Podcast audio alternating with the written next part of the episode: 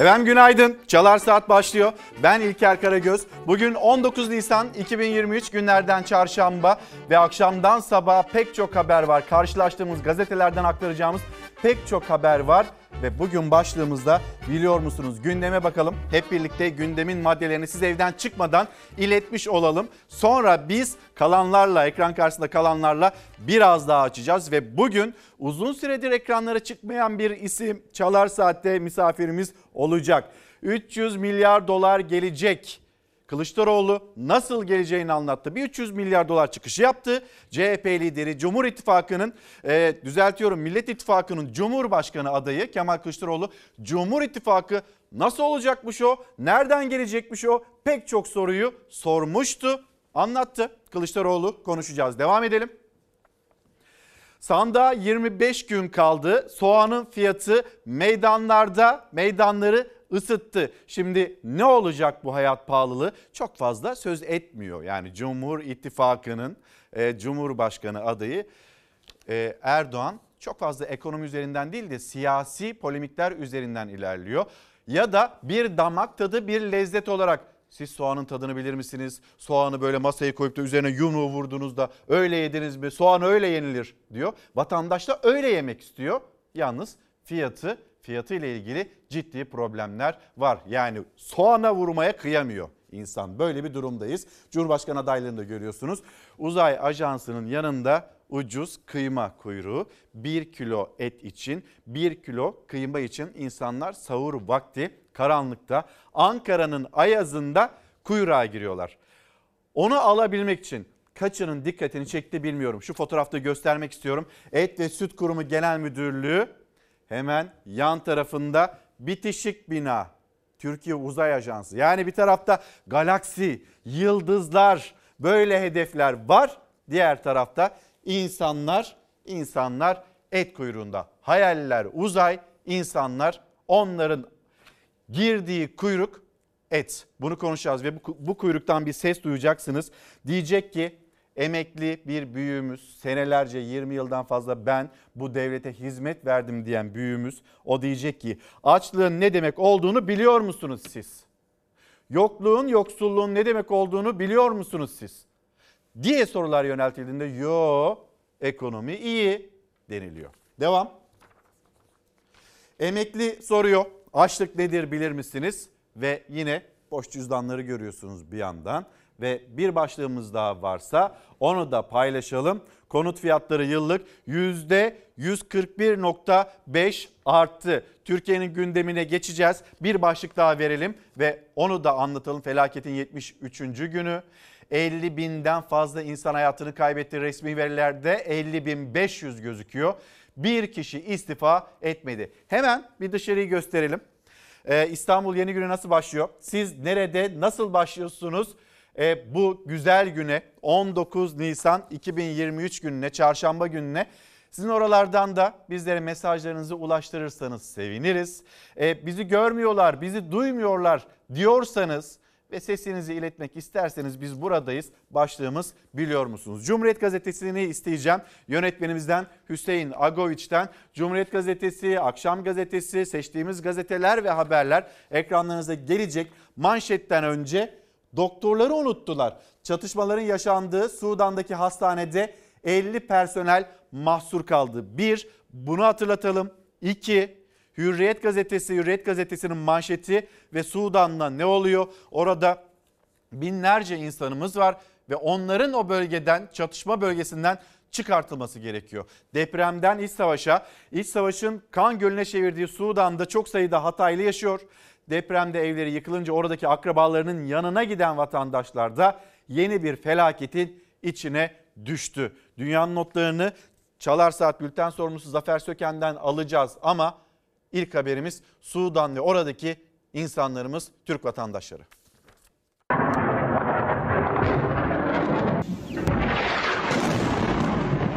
Sudan'da ordu ve darbeye kalkışan milis güçler arasında hafta sonu başlayan çatışmalar dördüncü günü geride bıraktı. Ölü sayısı 200'ü buldu. 2000'e yakın kişi de yaralı. Çatışmalar şiddetlenirken Sudan'daki Türk vatandaşları iki ateş arasında mahsur kaldı. Sudan'dan bir an önce ayrılmak isteyenler ve Türkiye'deki yakınları hükümetten yardım istedi. Netlemiyor ama onunla ateş ediyorlar. Burada da asker. Lütfen bize yardım edin. Oradaki a- doktorlarımızın, sağlık çalışanlarımızın aileleri mağdur durumda. Lütfen e, eşimizi, e, yakınlarımızı kurtarın. Biz Hatay depreminden kaçıp Sudan'a geldik. Çok kötü bir durumdayız. Roketler evlere geliyor. Tahliye uçağı istiyoruz. Lütfen yardım edin. Yardım çağrılarının ardından Dışişleri Bakanlığı açıklama yaptı. Sudan hava sahasının kapalı olduğu belirtildi. Güvenlik koşulları seyahat etmeye uygun değil dendi. Tahliyenin şu an için yapılamayacağı söylenirken Türk vatandaşlarından kapalı mekanlarda kalmaya devam etmeleri istendi.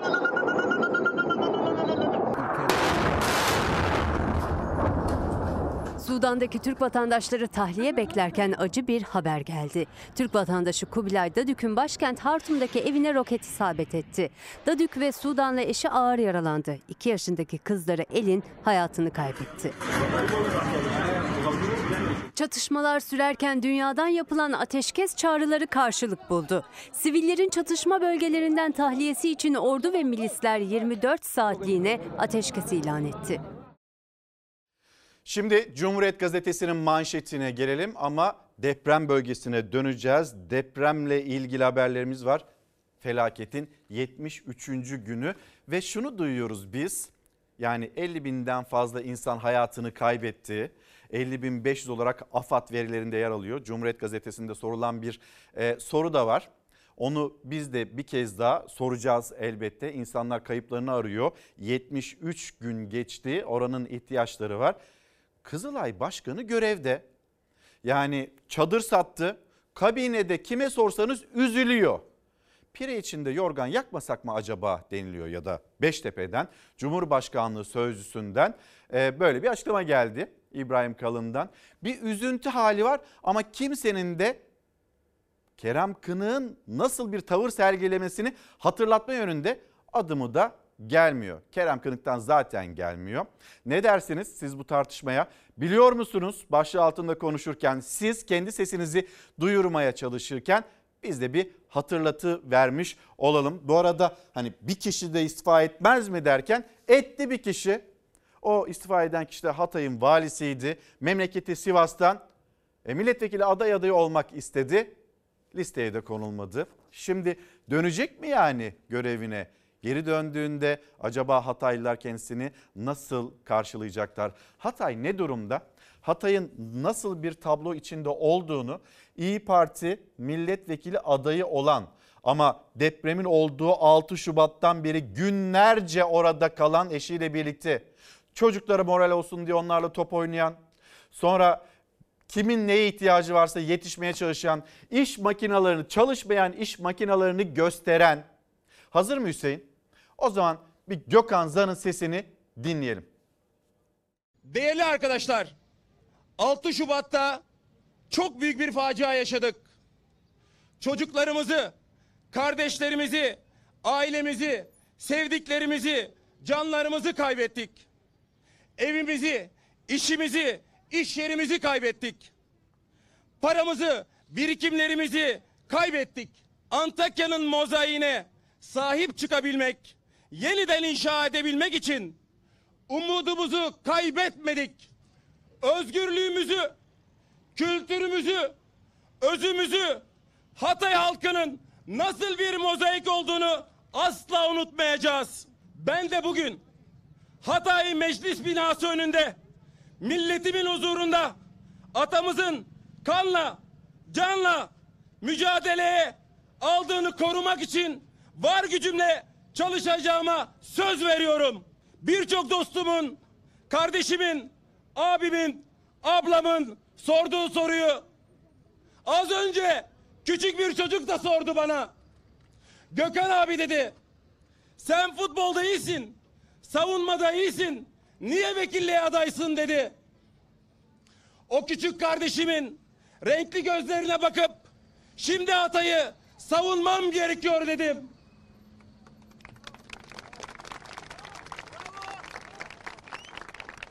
Çünkü biliyorum ki Hatay'ı yeniden yaşatmamız gerekiyor. Hatay'ı yeniden inşa ve ihya etmemiz, ayağa kaldırmamız ve güçlendirmemiz gerekiyor. Hatay'ı yeniden inşa etmemiz sadece Hatay değil orada 10 ilimiz var. Orada o evlerin depremzedelerin yaralarının sarılması gerekiyor. İnsanların barınma ihtiyacının da karşılanması gerekiyor. Bir tarafta deprem felaketi, diğer tarafta meydanları kilitleyen soğan polemiği. Bir izleyicimiz göndermiş yeni mahsul soğan çıktı ama o da ucuzluk getirmedi. Çünkü tarımda girdi fiyatları çok ama çok yüksek. Bir de fiyat vermiş bakayım marketten çekmiş bunu. Marketin de reklamı gözükmüyorsa ekranlarınıza gelsin. İşte 24 lira 99 kuruş soğanın fiyatı. Of soğanı böyle koyacaksınız masaya öyle anlatıyor Cumhurbaşkanı. Masaya koyacaksınız, vuracaksınız. Soğan, patates nasıl yenilir siz bilir misiniz? Oradan da damak tadına geliyor. Zaten ilk damak tadına getiren, enflasyon üzerinden ilk damak tadına getiren de Nurettin Nebati'ydi. Kusur bizde olduğu için ya da çocuklarımız kuzu etini yiyemediği için kırmızı et pahalıymış, kokuyormuş çocuklarımıza ya da bazı insanlara koktuğu için rağbet kırmızı ete. E kırmızı ete rağbet olduğu için de e bakıyorsunuz fiyatları yükseliyor. Karşılamıyor yani. Damak tadını biz bir değiştirsek enflasyonla ilgili meselemizi de halletmiş olacağız. Dönelim kaç kişi öldü? İktidarın depreme ilişkin açıkladığı verilerin gerçekliği sorgulanıyor. Türk Tabipleri Birliği Genel Sekreteri Vedat Bulut pandemi döneminde olduğu gibi gerçek verilerin üstü örtülüyor. Açıklanandan birkaç kat fazla olabilir dedi.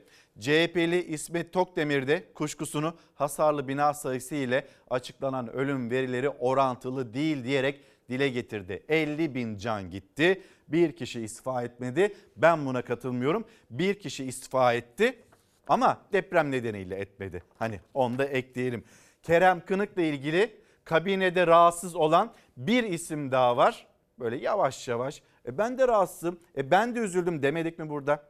Kabinede ciddi rahatsızlık yarattı diye. E peki nasıl hala koltuğunda kalabiliyor? İşte bunu bu soruyu sizlere soruyoruz. Biliyor musunuz? Acaba siz biliyor musunuz? Çünkü kimse akıl sır erdiremiyor. Kontrolsüz bir yıkım ve bunun görüntüsü haberi var. Devam ediyoruz.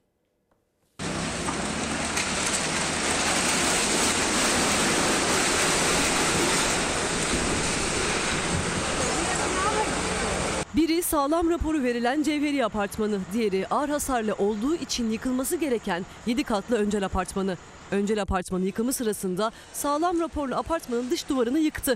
Kontrollü yıkım nasıl oldu da kontrolsüz yıkıma dönüştü? Cevheri Apartmanı sakinleri bir açıklama bekliyor.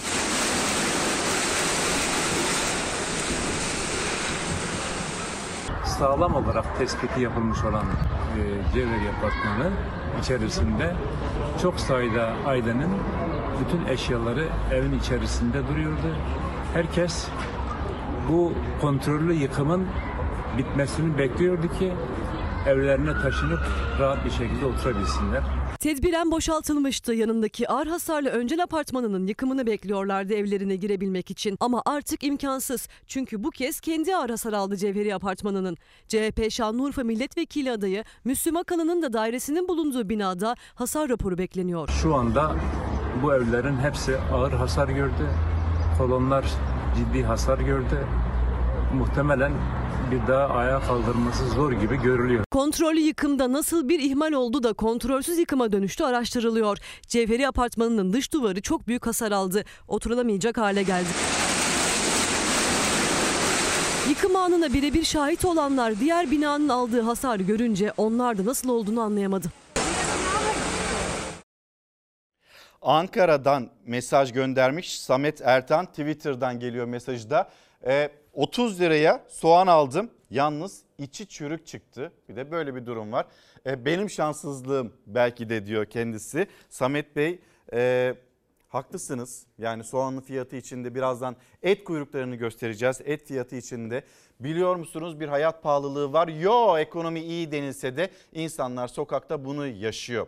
Ankara'da bitişik iki bina kamu binası ve makas o kadar açık ki bir tarafta uzay hedefleri diğer tarafta hani dijital teknoloji bunlar konuşulurken diğer tarafta insanlar buluşma noktası olarak et ve süt kurumunun önünü seçmişler. Niye? Uygun fiyattan et alabilelim diye. Akşam iftarda et olsun diye sabahın erken saatlerinde kuyruğa giriyorlar. Pes de etmiyorlar. Pes de edemezler. Saatlerce bekliyorlar. Oturuyorlar, dinleniyorlar, sırtlarını duvara yaslıyorlar. Bekliyorlar kapı açılsın da bir kilo et, bir kilo kıyma, kuşbaşı alabilelim diye. Cumhuriyet Gazetesi'ni tamamlayalım. Türkiye'nin seçim gündemine geçeceğiz. Sandıkta 5 tehlike 1, kurul başkanlığı için kıdemli yargıç şartı aranmayacak.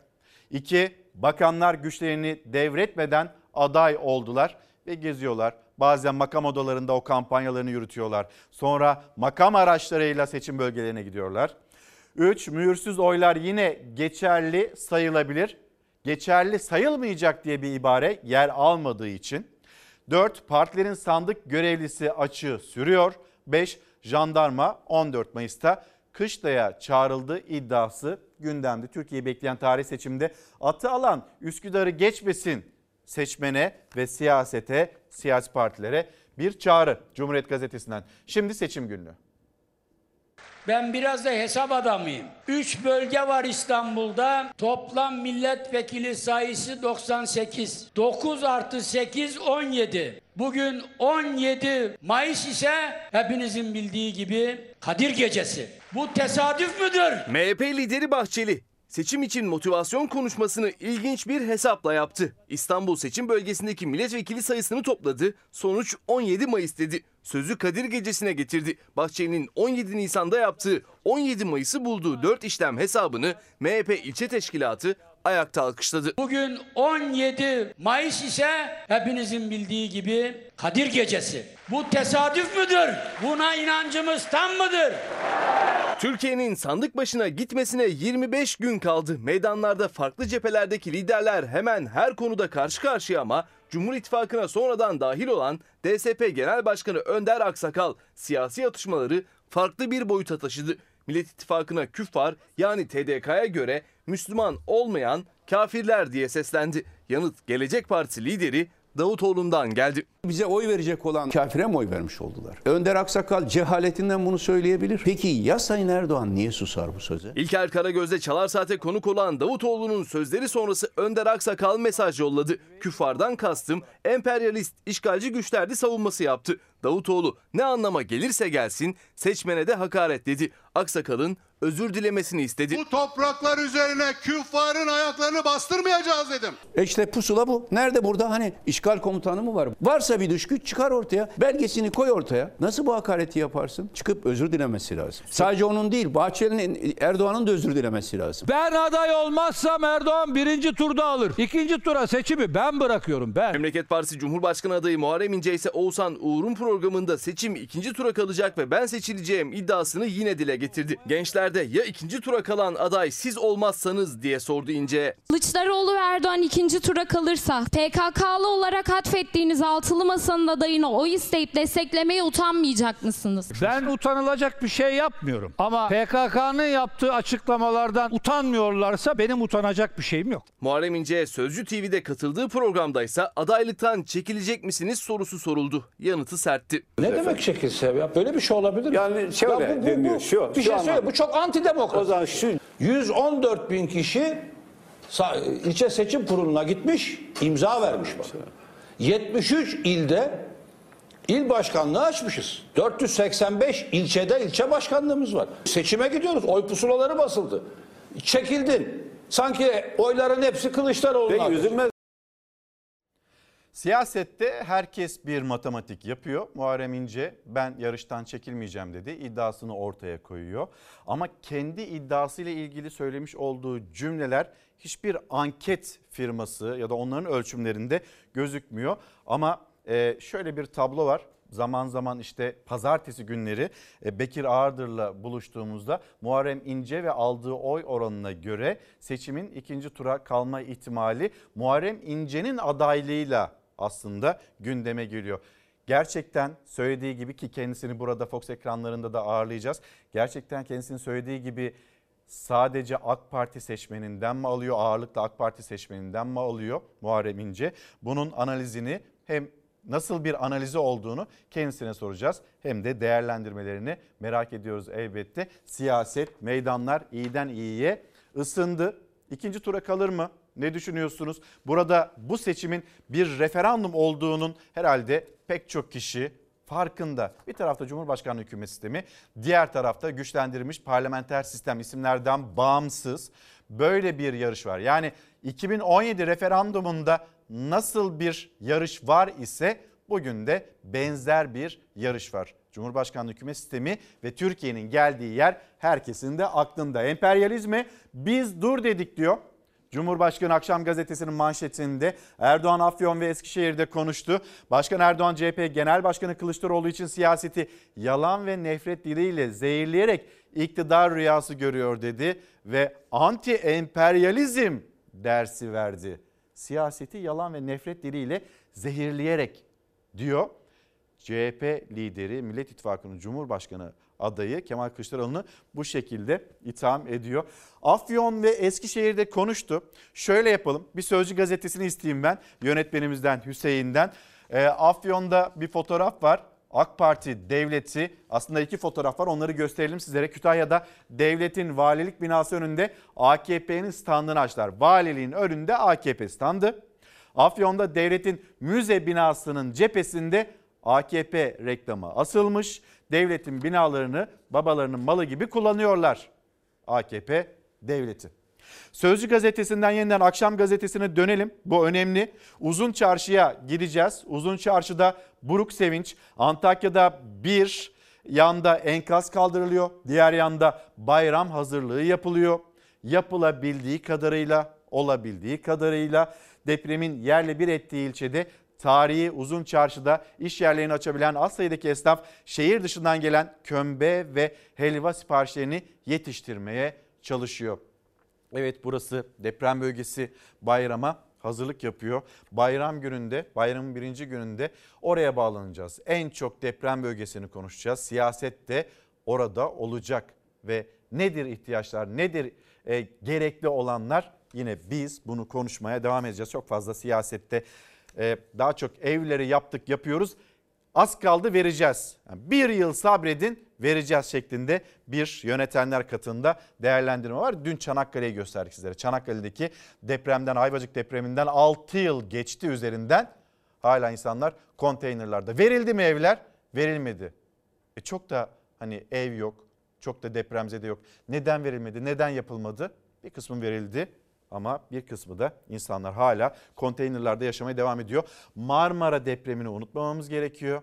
Neden derseniz bir görüntü gelecek ekranlarınıza. Buyurun hemen paylaşalım. Üzerine de konuşalım istiyoruz. Şimdi bu görüntü hani riskli yapı nedir diye bir soru soracak olursanız size söyleyelim riskli yapının ne olduğunu göstermiş olalım. Ali Kurt Kiptaş Genel Müdürü Bakırköy'deki kentsel dönüşüm projesinden bir görüntü paylaştı. Bakın sadece küçücük vincin dokunmasıyla, küçücük bir dokunuşla o binanın nasıl yıkıldığını görüyorsunuz. Uzlaşmamak için direnenlerin, kararsız kalanların bir şey olmaz diyenlerin bu ibret, ibretlik yıkımı dikkatlice izlemesini öneririm. Ali Kurt'un mesajı bu şekilde. Küçücük böyle dokunuyor vinç koca bina yerle bir oluyor. Hiçbir şey yok, bir sarsıntı yok. İstanbul'da böyle çok sayıda bina var. Hatırlatmış olalım. Gelelim 300 milyar dolar getireceğim ben bu ülkeye dedi Kılıçdaroğlu. Vay efendim nereden gelecek? Olmaz kara para, emperyalizm bir sürü tartışma çıktı. Dedik Kılıçdaroğlu. Nereden getireceğimi söyleyeyim. Buyurun izleyelim. Yatırımla diyor Kılıçdaroğlu. 9 özel ekonomi bölgesinde 50 üretim üssü kuracağız. Bu 50 üretim üssü hem ekonomi bölgelerindeki fabrikalarımıza makina, ekipman, aramalı, yedek parça üretecekler hem de ihracat yapacaklar. Tam 12 ana alanda yerli, inovatif yani yenilikçi ve katma değer yaratan üretim gerçekleştirilecek. İşsizliğe son verecek, yüksek istihdam fırsatı oluşacak. Üretim üsleri kentlerimizin iş gücü niteliği, coğrafi konumu, sahip olduğu ham madde gibi kriterlere göre belirlenecek. Tarım ve hayvancılık dışındaki üsleri özel sektör işletecek. Bu üsler uygun fiyatlı enerji imkanından yararlanacaklar. Üretim üslerinde faaliyette bulunan şirketler ve çalışanlar önemli vergi teşviklerinden yararlanacaklar. Kahramanmaraş, Hatay, Adıyaman, Gaziantep üretim tesislerinde üretilecek inşaat malzemeleri tesislerine normal avantajların yanı sıra ek özel teşvikler vereceğiz. Yeni nesil inşaat malzemelerini yerinde, kaliteli ve ucuza üretecek deprem konutlarıyla iş yerlerini daha hızlı ve daha uygun maliyette inşa edeceğiz. Hesabımızı yaptık. 100 milyar dolarlık özel sektör yatırımının gelmesini sağlayacağız. Artık tüm Türkiye üretecek. Planlamayla, Türkiye'yi büyüten akılla, el birliğiyle bu büyük üretim dönüşümünü gerçekleştireceğiz. Ve sonunda zenginleşen halkımız olacak. Anadolu'nun gençleri göç etmek zorunda kalmayacak. Artık o günler bitecek. Anadolu'dan değil, metropollerden Anadolu'ya göç başlayacak. Kentlerimize üretim, iş ve canlılık gelince buralarda sosyal hayat da canlanacak. Türkiye'yi kalıcı refaha ulaştıracak projelerimizi anlatmaya devam edeceğiz. Merak etmeyin, geliyoruz. Sana söz dedi. Merak etmeyin. Geliyoruz dedi. Kemal Kılıçdaroğlu kalıcı refah sözü verdi. Metropollerden Anadolu'ya göç başlayacak. Yine sözleri arasında. Şimdi Cumhurbaşkanı Erdoğan, Cumhur İttifakı'nın Cumhurbaşkanı adayı e, Erdoğan ve kendisinin mesajları. Ben bugüne kadar tabii muhalefette e, Bay Bay Kemal'in dışında diğerlerinin isimlerini pek anmadım. Fakat son zamanlarda onlar da Şirazesi'nden çıktığı için bazen onları da şöyle masaya yatırmak gerekiyor. Bunlardan bir tanesi başbakanlık makamına getirip öyle bir yanlış yaptığım kişi. Bir diğerini genç yaşta bakanlıklara getirdiğim bir kişi. Ki bunların ekonomiyle falan yakından uzaktan alakası yok. Ve ekonomiden zerre kadar ilgisi alakası olmayan bu kişilerle mesela bir tanesi bunların Bebecan'dır. Bunlar var ya bunlar ben 6-0 atacağız dediğim zaman olmaz başbakanım diyenler. Aynı şekilde e, zaten başbakanlık görevine gelenin de malum durumu. Cumhurbaşkanı ekonomiyle ilgili vermiş olduğu mesajlar da var ama daha çok eski yol arkadaşlarıyla ilgili cümleler kurdu. Dün katıldığı televizyon programında ben mi yanılıyorum belki siz düzeltirsiniz. Hani daha önce yaşanan durumlarla ilgili Allah affetsin demişti, helallik istemişti. Böyle açıklamalarını duyduk ama ilk kez mi yanlış yaptım dedi ve o yanlış yaptım dediği konuda Ahmet Davutoğlu yani Ahmet Davutoğlu'nun başbakan olması ile ilgili yanlış yaptığım bir durumdur diye açıklaması. Devam edelim. Cumhurbaşkanından sonra Türkiye İşçi Partisi ve Türkiye İşçi Partisi aday tanıtımı. Tayyip Erdoğan iktidarına bu faşist bloka hak ettiği yanıtı vermektir. Onları tarihin çöplüğe göndermek. Türkiye İşçi Partisi Genel Başkanı Erkan Baş maddi imkanımız yok ama dedi partililerine çağrı yaptı. Bizim paramız yok. Arkamızda patronlar yok, tarikat yok, cemaat yok. Sizden rica ediyorum. Hepiniz birer tane tişört bastırın. Billboard gibi gezin sokaklarda. Halkın mücadelesinden daha büyük bir göç yoktur. Türkiye İşçi Partisi İstanbul'daki milletvekili aday tanıtımından sonra Ankara milletvekili adaylarını da tanıttı. Bakın çok somut. Şimdi buradayız, Yeni Mahalledeyiz, Batı Kent'teyiz. O yüzden söyleyeceğim. Bence risk şu arkadaşlar. Mesela Ozan Bingöl'ün olmadığı bir meclis risk bence. Biz ses kapısını yekle, bu sülale devrini de hep birlikte kapatacağız. Rahat olun. Sandığa bir aydan az zaman kala partilerin seçmeni ikna çalışmaları sürüyor. Yani 100 yıl önce Anadolu'nun dört bir yanında işgale karşı Kurtuluş Savaşı veren insanlar yan yana gelmişlerdi. Bir tek adam düzenine, saltanat düzenine, sülale düzenine hep beraber son vermiştik. Ve yine siyasette kalalım. Seçim ilk turda biter mi? ikinci tura taşınır mı? Kim kazanacak? Liderlerin mesajları.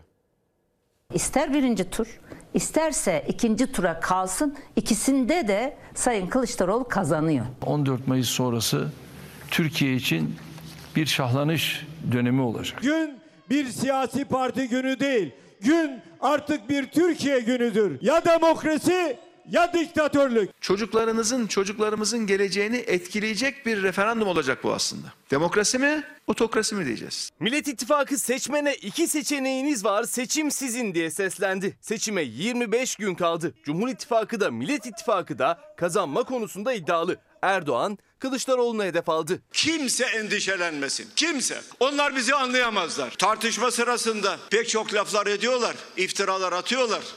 Gayet iyi biliyorum bunları. Ama onlara halk inanmıyor zaten. Çünkü bizi biliyorlar zaten. Bay Bay Kemal ise SSK'yı nasıl batırdığını yani başarısızlığının kitabını yazmış. Deva Partisi Genel Başkanı Ali Babacan Ankara'da partisinin il başkanları toplantısında konuştu. Cumhurbaşkanlığı seçimleri için referandum benzetmesi yaptı. 14 Mayıs günü sandıkta Türkiye için iki seçenek olduğunun altını çizdi. Temel iki tercih var. Ortak akıl mı, tek akıl mı diyeceğiz. Huzur mu, kriz mi diyeceğiz. Bereketli, huzurlu sofralar mı, yoksa kilosu 30 liraya çıkan soğan mı diyeceğiz. Kendinden olmayan herkese terörist diyen nobran bir dil mi? İyi Parti Genel Başkanı Meral Akşener'in TV100'de katıldığı programda sorulan kazanacak aday sorusuna yanıtın etti. Sonuçları anketlere dayandırdı. Bir de eşinin tuttuğu sokağın nabzına. Onu tanımadıkları için mesela otobüste konuşuyorlarmış. Belediye otobüsü beklerken e, şeyde konuşanlardan gördüm. Yani değişen e, fikirleri gördüm araba duraklarında. Şimdi şöyle bir de kendini ayırarak konuşur. Geliyorsunuz. Sonra dönüyor. Kazanıyoruz. Bu iktidar artık bu ülke üzerinde bir yük. Eliniz sözünden dönen, etrafındaki çıkarcılara yakasını kaptırmış Recep Tayyip Erdoğan'a gitmiyor. Bunu da biliyorum. Cumhurbaşkanı Erdoğan bu seçim döneminde dün ilk miting meydanından seçmene seslendi. Kazanmak için o isterken kurduğu cümleler dikkat çekti. Türkiye'nin en büyük sıkıntısı bu ülkenin siyasetini yalan, iftira ve nefret diliyle zehirleyerek inşa değil, yıkım üzerinden iktidar rüyası görenlerdir. Bir mola verip hemen dönüyoruz. Nereden aldın, nereye getirdin? Demek ki halk değişim istiyor. Sandıkları korumak benim işim benim. Ata ittifakı güneş gibi parlayacak. Söz sırası seçmende. Türkiye 14 Mayıs'ta oyunu kullanacak. Sonuçlar için yine en güvenilir adresi takip edecek. Patron sizsiniz. Deneyimli kadrosu anlaşılır ve net ekranıyla Fox Haber her seçimde olduğu gibi bu seçimde de sonuçlar için en güvenilir adres. Burada Fox ekranında buluşalım. Selçuk Tepeli ve İlker Karagöz farklı kaynaklardan gelecek en doğru verileri anında izleyiciye ulaştıracak. Kamuoyu araştırmacısı Bekir Ağırdır o sonuçları analiz edecek. Türkiye'nin en çok izlenen tartışma programı Orta Sayfada seçim özel yayınıyla Fox ekranlarında. Fox Haber Genel Yayın Yönetmeni Doğan Şentürk ve Fox Haber Ankara temsilcisi Tülay Ünal Öç'ten son dakika bilgileri yine onlarda olacak. En doğru, en güvenilir ve en hızlı sonuçlar yine burada. Seçim gecesi klasiğiniz Fox Haber'de. Bir ekrandan daha fazlasında. Türkiye'nin seçimi Fox'ta. Efendim bir kez daha günaydın. Devam ediyoruz Çalar Saat'te. Ankara'dan misafirimiz var. Ankara Çankaya Belediye Başkanı Sayın Alper Taşdelen şu anda stüdyomuzda. Günaydın. Günaydın. Hoş geldiniz. Hoş bulduk. hem Ankara siyaseti hem de yokluğu, yoksulluğu konuşacağız Evet. sizinle birlikte. Ee, Ankara havasıyla geldiniz. Biz bir memleket havası diyelim. Evden e, insanlar, şu anda izleyicilerimiz çıkmadan bir memleket havasıyla buluşturalım sizleri. Sonra konuşacağız yokluğu ve yoksulluğu en çok. İstanbul'da güneşin yüzünü gösterdiği öğle saatlerinde gökyüzü bulutlarla kaplandı. Aydınlık hava bir anda gece karanlığına döndü. Yetkililer sağanak yağışların bu haftada özellikle Marmara, Ege ve İç Anadolu'da aralıklarla etkili olacağını paylaşmıştı. İstanbul'da sağanak yağışlar devasa yağmur bulutlarıyla geldi. Gündüz geceye döndü.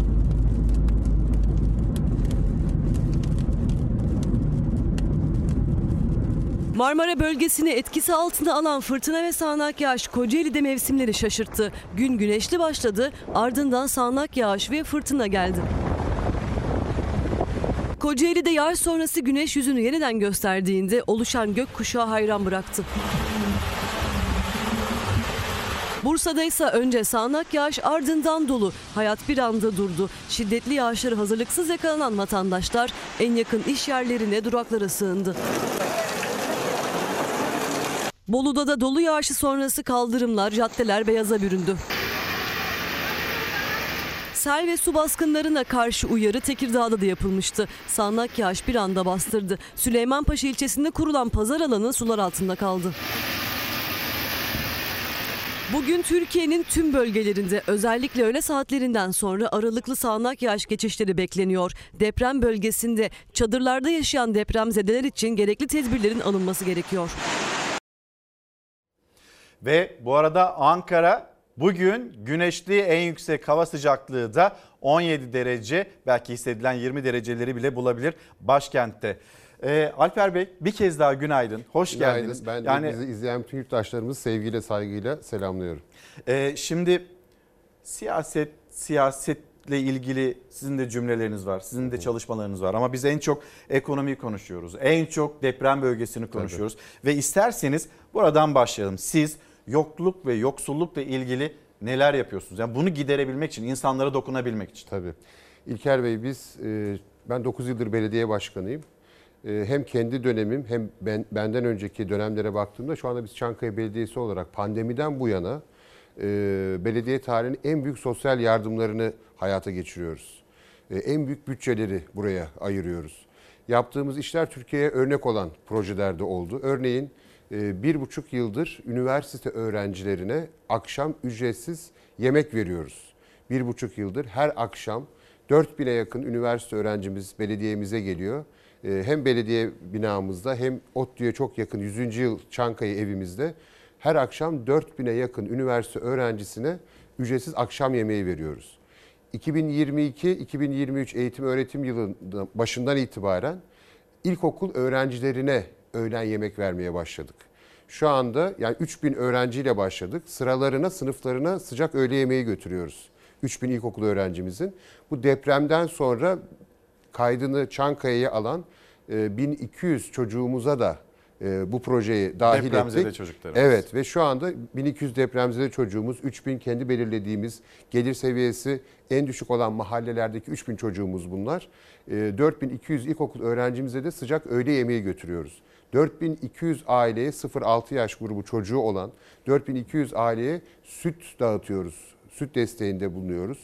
Yine aynı şekilde halk kartla gelir seviyesi en düşük olan e, 2600 aileye de 1000 lira nakit destekte bulunuyoruz. Nakit yardımda bulunuyoruz. E, bununla beraber kıyafet giysi desteği de bulunuyoruz. e, Kırtasiye desteğinde bulunuyoruz. E, Eşya desteği var, Eşya desteği bildiğim. var. E, üniversite öğrencilerine evini yapıyoruz. An- Yani 3 öğrenci, 4 öğrenci bir araya geliyor, bir ev kiralıyor. Onların beyaz eşyasını, mobilyasını e, biz veriyoruz. Yani hayatın her alanında İlker Bey, ihtiyacı olanın yanındayız. E, ve ihtiyaç duyduğunuzda Çankaya yanınızda diyoruz. Çünkü böyle bir e, yoksunluk, yani yoksulluk artık yoksunluğa dönüştü. Peki 9 yıldır görevdesiniz. Evet. Ee, bu ikinci döneminiz. Evet.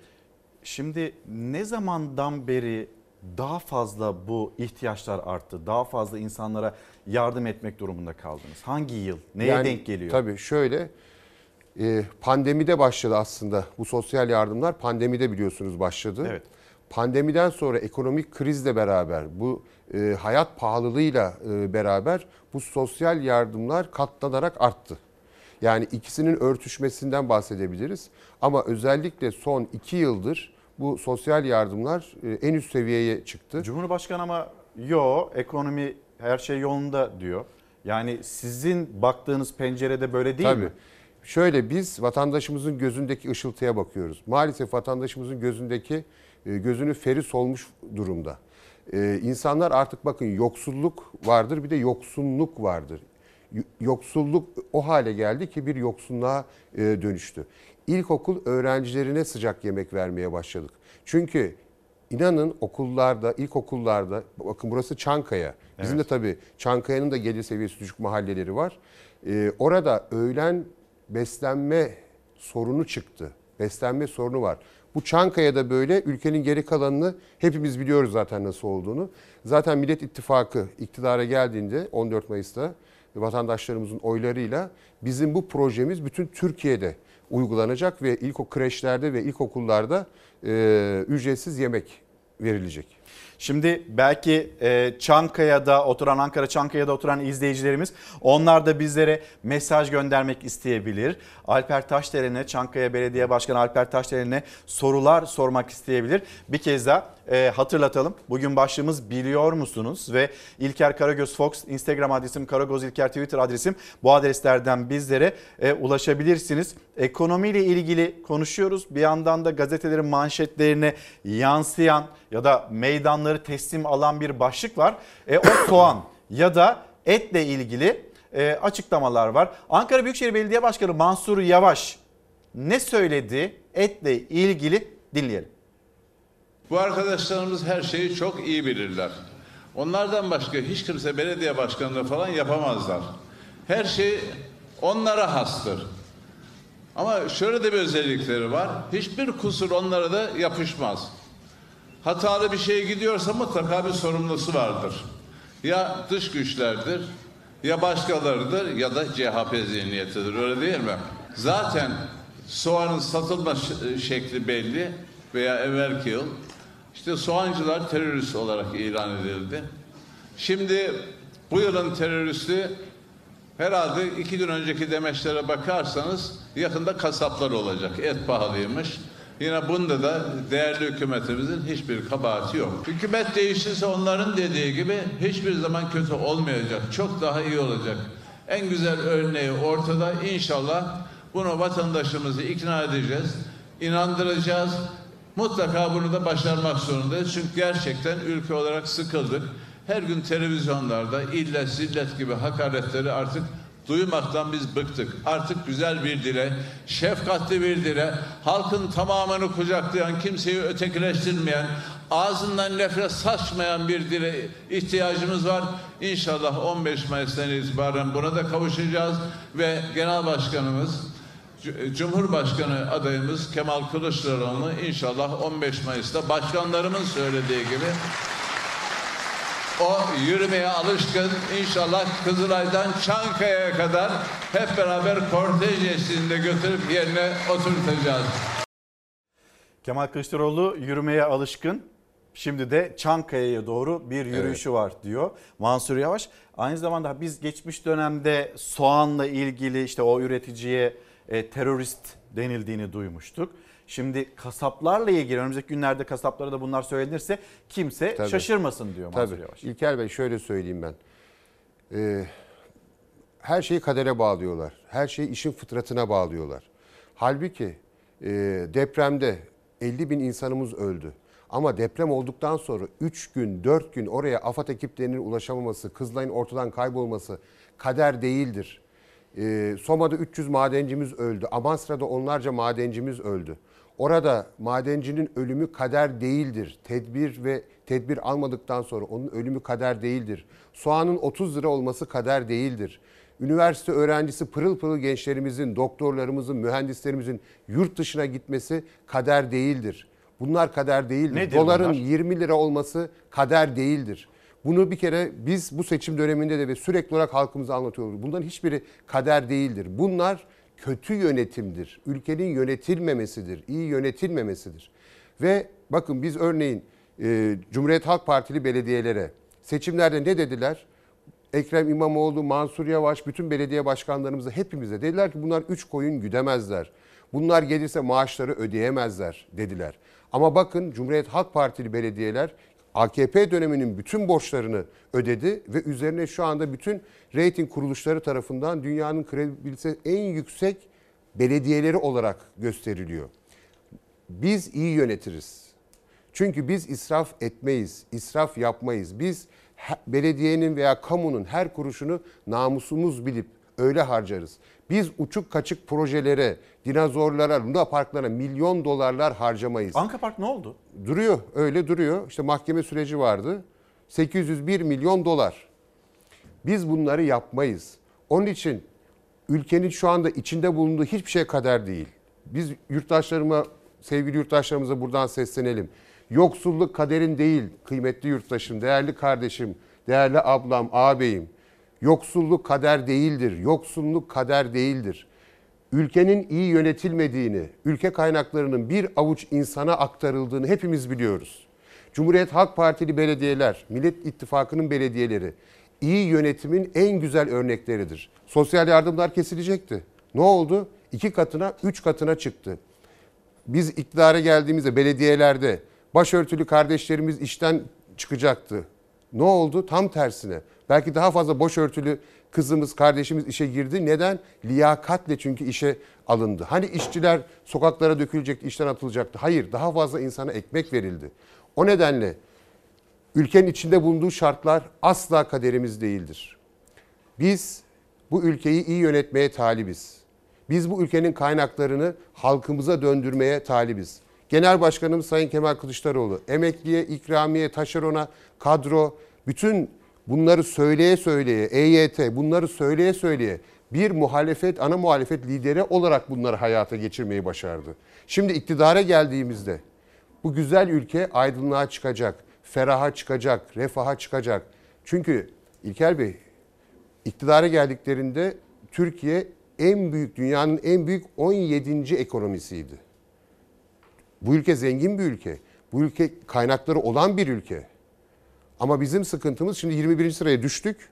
Ama bu ülkenin bu zenginliklerinin kaynaklarının bir avuç insana peşke çekilmesi, geri dönüşü olmayan betona yatırılması, üretime döndürülmemesi, tarımın desteklenmemesi, emekçilerin desteklenmemesi. Yani halka bu kaynakların aktarılmamasından geliyor. İşte biz bunu değiştireceğiz. 14 Mayıs'ta iktidara geldiğimizde bunu değiştireceğiz. Ve halkımıza kader olarak, işin fıtratında var olarak sunulan bütün bu yoksulluğu, bütün bu haksız ve adaletsiz düzeni değiştireceğiz. Ve herkes hakkını alacak. Şimdi e, yapmak istedikleriniz var, yaptıklarınız var. Onları anlatmaya da devam etmenizi Ha istiyorum. bunlara da özür diliyorum. Bunlara da işte kanıt belediyeler. Eskiden belki Cumhuriyet Halk Partisi'nin yönetim uzun süre iktidarda olmamasından dolayı bu konular gündeme geldiğinde kafalarda soru işareti belki olabilirdi. Ama şu anda o soru işaretleri yok. Çünkü ülkenin %50'sini CHP'li belediyeler yönetiyor. Çankaya Belediyesi'nden örnek vereyim. Biz 9 yılda hiç kredi kullanmadık. Hiç borç almadık. Bakın 9 yıldır kendi öz kaynaklarımızla Çankaya'nın tarihinin en büyük yatırımlarını hayata geçirdik. İlkleri, rekorları kırdık, ilkleri yaptık, eserleri ortaya çıkardık. En büyük sosyal yardımları yaptık ve borç almadan, kredi kullanmadan. İşi ehline verdiğinizde, işi liyakatli verdiğinizde, israf yapmadığınızda, yolsuzluk yapmadığınızda, boğazınızdan haram lokma geçmediğinde bu ülke feraha çıkacaktır. Bu ülke refaha kavuşacaktır. E, bu konuya girdiğiniz bütçenizle ilgili e, hani israf etmedik dediniz. Yatırımları da böyle yapıyorsunuz. Peki Tabii. işçi, Çankaya Belediyesi'nin Tabii. işçileri onların durumu nedir? Onu da şöyle söyleyeyim. Biz Türkiye'de en iyi toplu iş sözleşmelerini imzaladık. Bakın geçen e, %50 arttırdıklarında biz Çankaya'da %140 arttırdık. %140 zam Yüzde yaptınız. yüzde yüz, evet %140 zam yaptık. Şu anda belediyeler içinde en yüksek maaş alan e, işçiler Çankaya Belediyesi işçileridir. Bunu da yapıyoruz. Neden? Çünkü biz sosyal demokratız. Bakın bu kadar sosyal yardımdan bahsettik Ya değil Millet mi? İttifakı kazanırsa, Cumhurbaşkanı olarak Kemal Kılıçdaroğlu seçilirse bu seviyelerde zamlar da gündeme gelir mi? Elbette. Ya uçak inmeyen havaalanı yapıyoruz. Uçak inmeyen havaalanı yapıyoruz değil mi? Evet. Köprü yapıyoruz. Dolar ve euro üzerinden onu halkı halkın cebinden alıyoruz. Hiçbir şey verimli yapılmıyor. Hiçbir şey rekabete dayalı yapılmıyor. Rekabet olmayan bir yerde ekonomik sistem düzgün işliyor diyebilir misiniz? Hayır. Hepsi halkın cebinden çıkarılıyor. Yani bu haksız ve adaletsiz düzen hakça adil bir düzene döndüğünde bunların hepsi halkımıza yansıyacak. Biz Çankaya Belediyesi olarak üniversite öğrencilerine akşam ücretsiz yemek veriyoruz. Öğlen ilkokul öğrencilerine ücretsiz sıcak yemek veriyoruz. Bunu bir ilçe belediyesi yapabiliyor da Milli Eğitim Bakanlığı neden yapamıyor? Neden yapamıyor? Çünkü bütçeden yeterli payı almıyor. Çankaya'da okul tadilatlarını biz yapıyoruz İlker Bey. Normalde Milli Eğitim Bakanlığı'nın görevi değil mi bu? Evet. 250 okulun tadilatını ilçe belediyesi olarak biz yapıyoruz.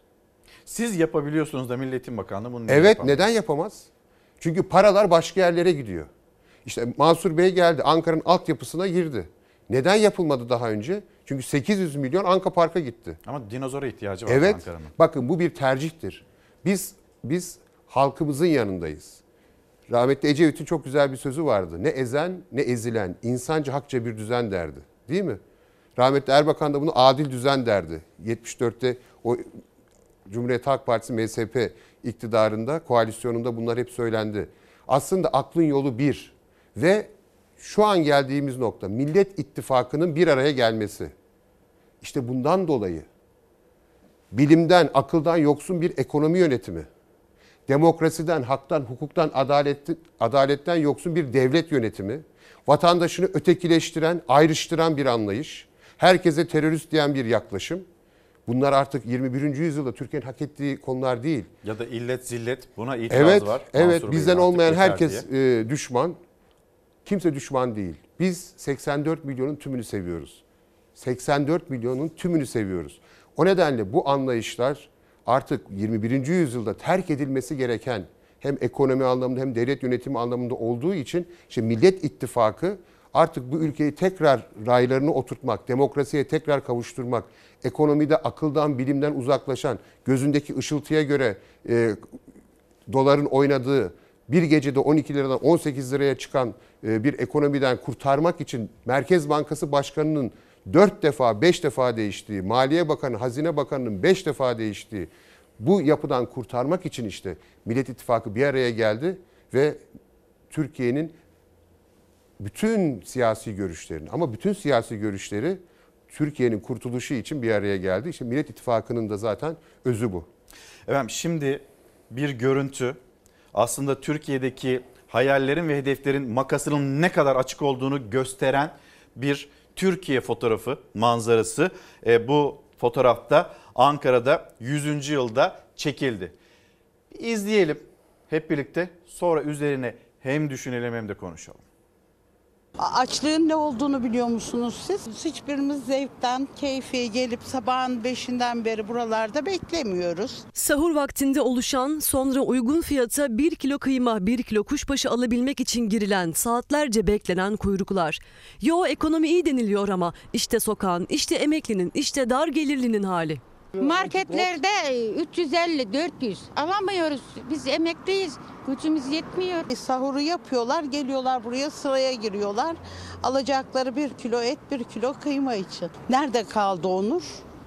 Aç karnına onur olmuyor galiba. Hayallerin uzay, gerçeklerin geçim kuyruğu olduğu yer Ankara. Birbirine komşu iki kamu binası ve orada çekilen Türkiye'nin gerçek fotoğrafı. Yönetenlerin görmediği yoksulluğun manzarası. Bir şeylere ulaşamamanın ne demek olduğunu biliyor musunuz? Bu insanlar evlerine belki ayda bir kilo, iki kilo kıymayı ya götürebiliyor ya götüremiyorlar. Bunun ne demek olduğunu düşünüyor musunuz? Et ve Süt Kurumu Genel Müdürlüğü önünde sahur vaktinde karanlıkta sabah serininde başlıyor kuyruklar oluşmaya. Kurum kapısını açıncaya kadar sıra kendisine gelinceye kadar bekliyorlar. 24 sene 3 ay bu hükümet bu devlete hizmet yaptım. Üniversite mezunuyum. E, aldığım ücreti söylersem dudağınız uçuklar. Asgari ücretten daha düşük maaş alıyorum. Belki yorgun da düşüyorlar ama pes etmek yok. Akşama tencere kaynayacak. İftar alınan o etlerle kıymayla yapılacak. Altıda da biz geldik. Bacaklarımız yaşlıyım ben. Çile çekiyoruz burada gelip bacaklarımız uyuştu artık ayak. Kaçının dikkatini çekti bilinmez kapısında sıraya girilen Et ve Süt Kurumu'nun bitişik komşusu Türkiye Uzay Ajansı. Teknolojinin buluşma noktası. Vatandaş hak ediyor mu? Vatandaş güllük gülistanlık yaşayacak. Yabancılar emekli maaşını alıyor, Avrupa'yı geziyor. Biz emekli maaşını alıyoruz, köye gidemiyoruz. Bunu herkes görsün, duysun da utansınlar. Yani makas çok açık. Emeklinin, dar gelirlinin buluşma noktasıyla galaksinin, yıldızların, teknolojinin buluşma noktası arasında 10 adım var ya da yok. Açlığın ne olduğunu biliyor musunuz siz? Bir şeylere ulaşamamanın ne demek olduğunu biliyor musunuz? Ben buna hak müstahak değilim ben buna. Açlığın ne demek olduğunu biliyor musunuz? Siz bir şeylere ulaşamamanın, bir şeyleri alamamanın ne demek olduğunu biliyor musunuz? Bu ülkeye hizmet vermiş, emekli olmuş bir büyüğümüz ve Et ve Süt Kurumu'nun kapısında, kuyruğunda sözleri bu şekilde. Bitişikteki bina Türkiye Uzay Ajansı. Yani galaksiler, yıldızlar, gelecek hedefi ama 10 adım berisi insanların yoksulluk kuyruğu. Ne dersiniz? Ee, Ulu Önder Atatürk Cumhuriyeti kurarken şu cümleyi söylemişti. Cumhuriyet bilhassa kimsesizlerin kimsesidir demişti. Ve e, Cumhuriyet'in ilk yıllarına baktığınızda açta açıkta hiç kimseyi bırakmamak için yoğun bir çaba olduğunu görürsünüz. E, bizde sosyal devlet ilkesi işte bunun için var. Halkını unutan bir iktidarla karşı karşıyayız.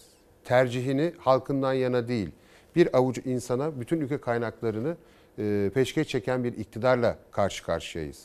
İyi ki bu dönemde Cumhuriyet Halk Partili belediyeler varmış İlker Bey. Bakın bu pandemi ve sonrası ekonomik kriz anlamında söylüyorum. İyi ki Cumhuriyet Halk Partili belediyeler var. Şimdi Cumhuriyet Halk Partili belediyelerin iyi ki var dediğiniz noktada da şimdi Millet İttifakı'nın iktidarına ihtiyacımız var. Çünkü e, halkımız bu kötü yönetimi hak etmiyor. Hak etmiyoruz. Peki deprem bölgesi e, kimse açta aç kalmamalı, açıkta kalmamalı derken deprem bölgesinde neler yapıyorsunuz? Şöyle biz e, deprem olduğu an sabahtan itibaren Çankaya'da çok büyük bir dayanışma örneği gösterdik. Bizim Ahmet Taner Kışla'da spor salonumuz vardır. Büyük bir spor salonu. O spor salonu 10 kere doldu doldu boşaldı. 15 bin gönüllümüzle beraber, 15 bin gönüllümüzle beraber e, bütün deprem bölgelerine inanılmaz bir e, yardım e, seferberliği başlattık. Aynı zamanda şu anda Kahramanmaraş'ta iki tane iftar çadırımız var. E, 3500 kişilik Ramazan boyunca o 3500 kişilik iftar çadırımız Kahramanmaraş'ta olmaya devam ediyor.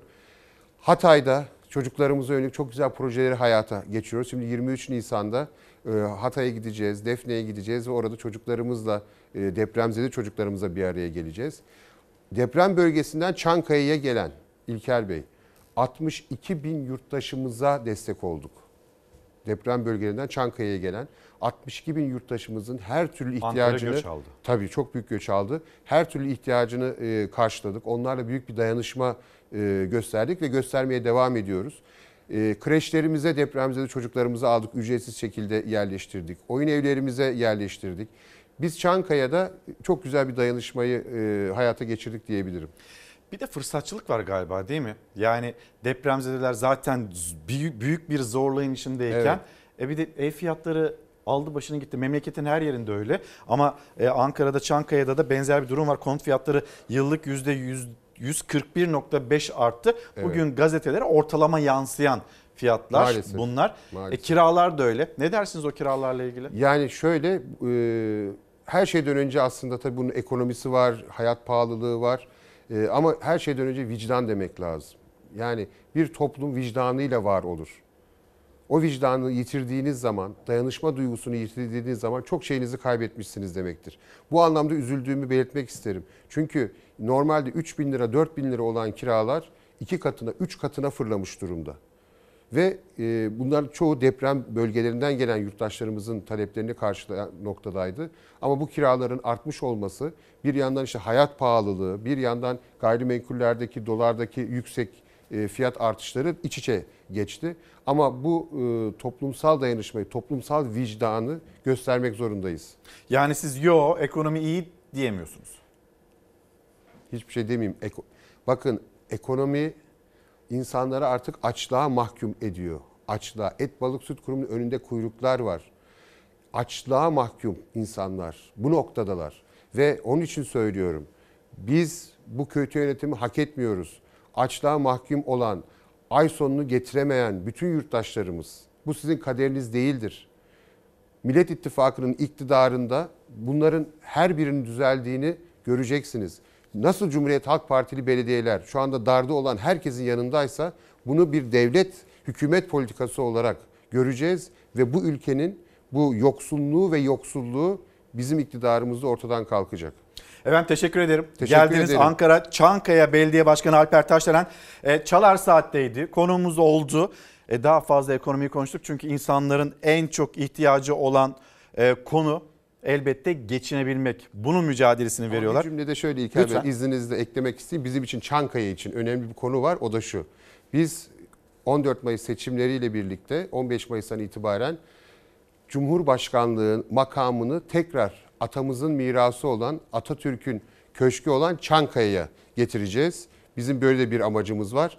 Y- e, atamız e, nasıl Anıtkabir'de huzur içinde yatıyorsa Cumhurbaşkanlığı makamı da tekrar Çankaya'ya e, gelecek ve e, Sayın Kemal Kılıçdaroğlu'nu yüz binler olarak atamızın o makamına oturtacağız inşallah. Tekrar teşekkür Ben ederim. teşekkür ediyorum. Şimdi siz Çankaya'yı hatırlattınız. Ben de Cumhuriyet Müzesi diyeceğim.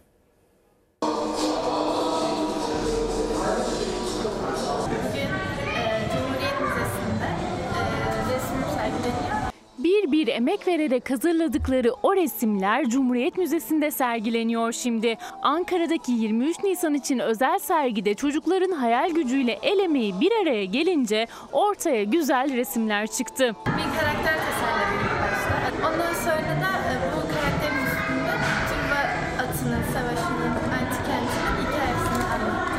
Türkiye Cumhuriyeti'nin kuruluşunda ikinci meclis binası olan Cumhuriyet Müzesi 23 Nisan Ulusal Egemenlik ve Çocuk Bayramı dolayısıyla 3 sergiyle misafirlerini ağırlıyor. Z kuşağının kaleminden tarih, kültür, sanat, bir küçük tebessüm ve hayalin inşası. Sergi 17-27 Nisan arası ziyaretçileri bekliyor. Ankara'da çocukların resimleri sergilenirken İstanbul'da da çocukların çizdiği ve Kültür Varlıkları ve Müzeler Genel Müdürlükleriyle paylaştıkları resimleri Galata Kulesi'ne yansıtılarak görsel şölen sunulacak. Şimdi de dünyanın notlarını alacağız. Çalar Saat Bülten sorumlusu Zafer Söken yanımda. Zafer bir kez daha günaydın. Başlayalım. Neyle? Günaydın. Arnavutluk'tan gelen bir haberle başlayalım. 2021 yılında Türkiye ve dünya aynı zamanda 2 milyar dolarlık bir vurgunu konuştu. 2 milyon değil 2 milyar dolarlık bir vurgunu konuştu. Bir kripto para borsası vardı. Bunu kuran kişi de Faruk Fatih Özer.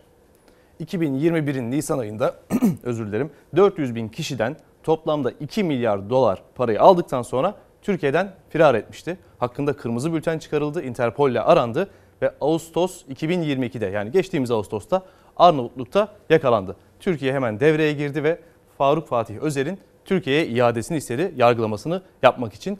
Şimdi Arnavutluk Yüksek Mahkemesi de dün kararını verdi. Dedi ki Faruk Fatih Özer'i biz Türkiye'ye iade edeceğiz. 3 Mayıs'a kadar da o iade işlemi tamamlanacak. Faruk Fatih Özer burada yargılanacak. 400 binde mağdur var. Bunlardan yargıya başvuranlar var. Biz de bu gelişmeleri takip edeceğiz. Arnavutluk'tan gelen bir son dakika haberi.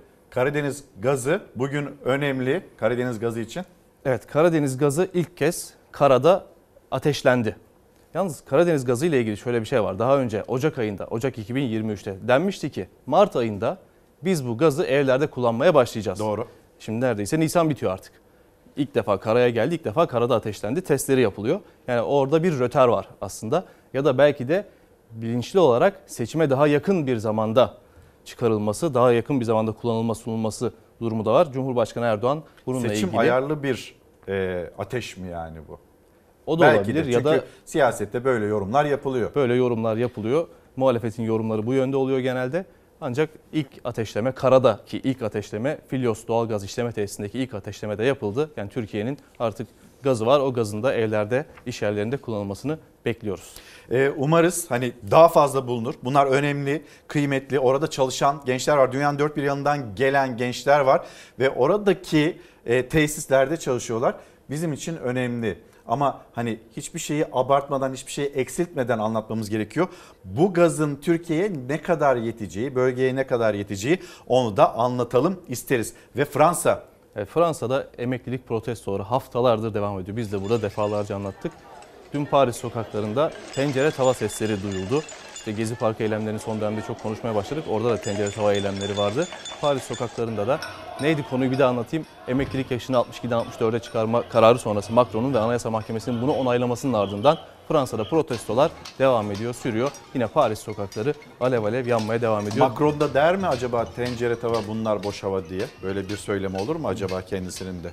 Çok büyük, çok kitlesel eylemler var Fransa'da. Yani Macron için siyasi açıdan zor günler diyebilirim ben de. Tencerenin ne kadar önemli olduğunu bir seçim yaklaşırken hepimiz görüyoruz. Yani başta asla yapmayacağız, seçim kaybetsek de yapmayacağız denilen konuların nasıl gündeme geldiğini görüyoruz da, biliyoruz da.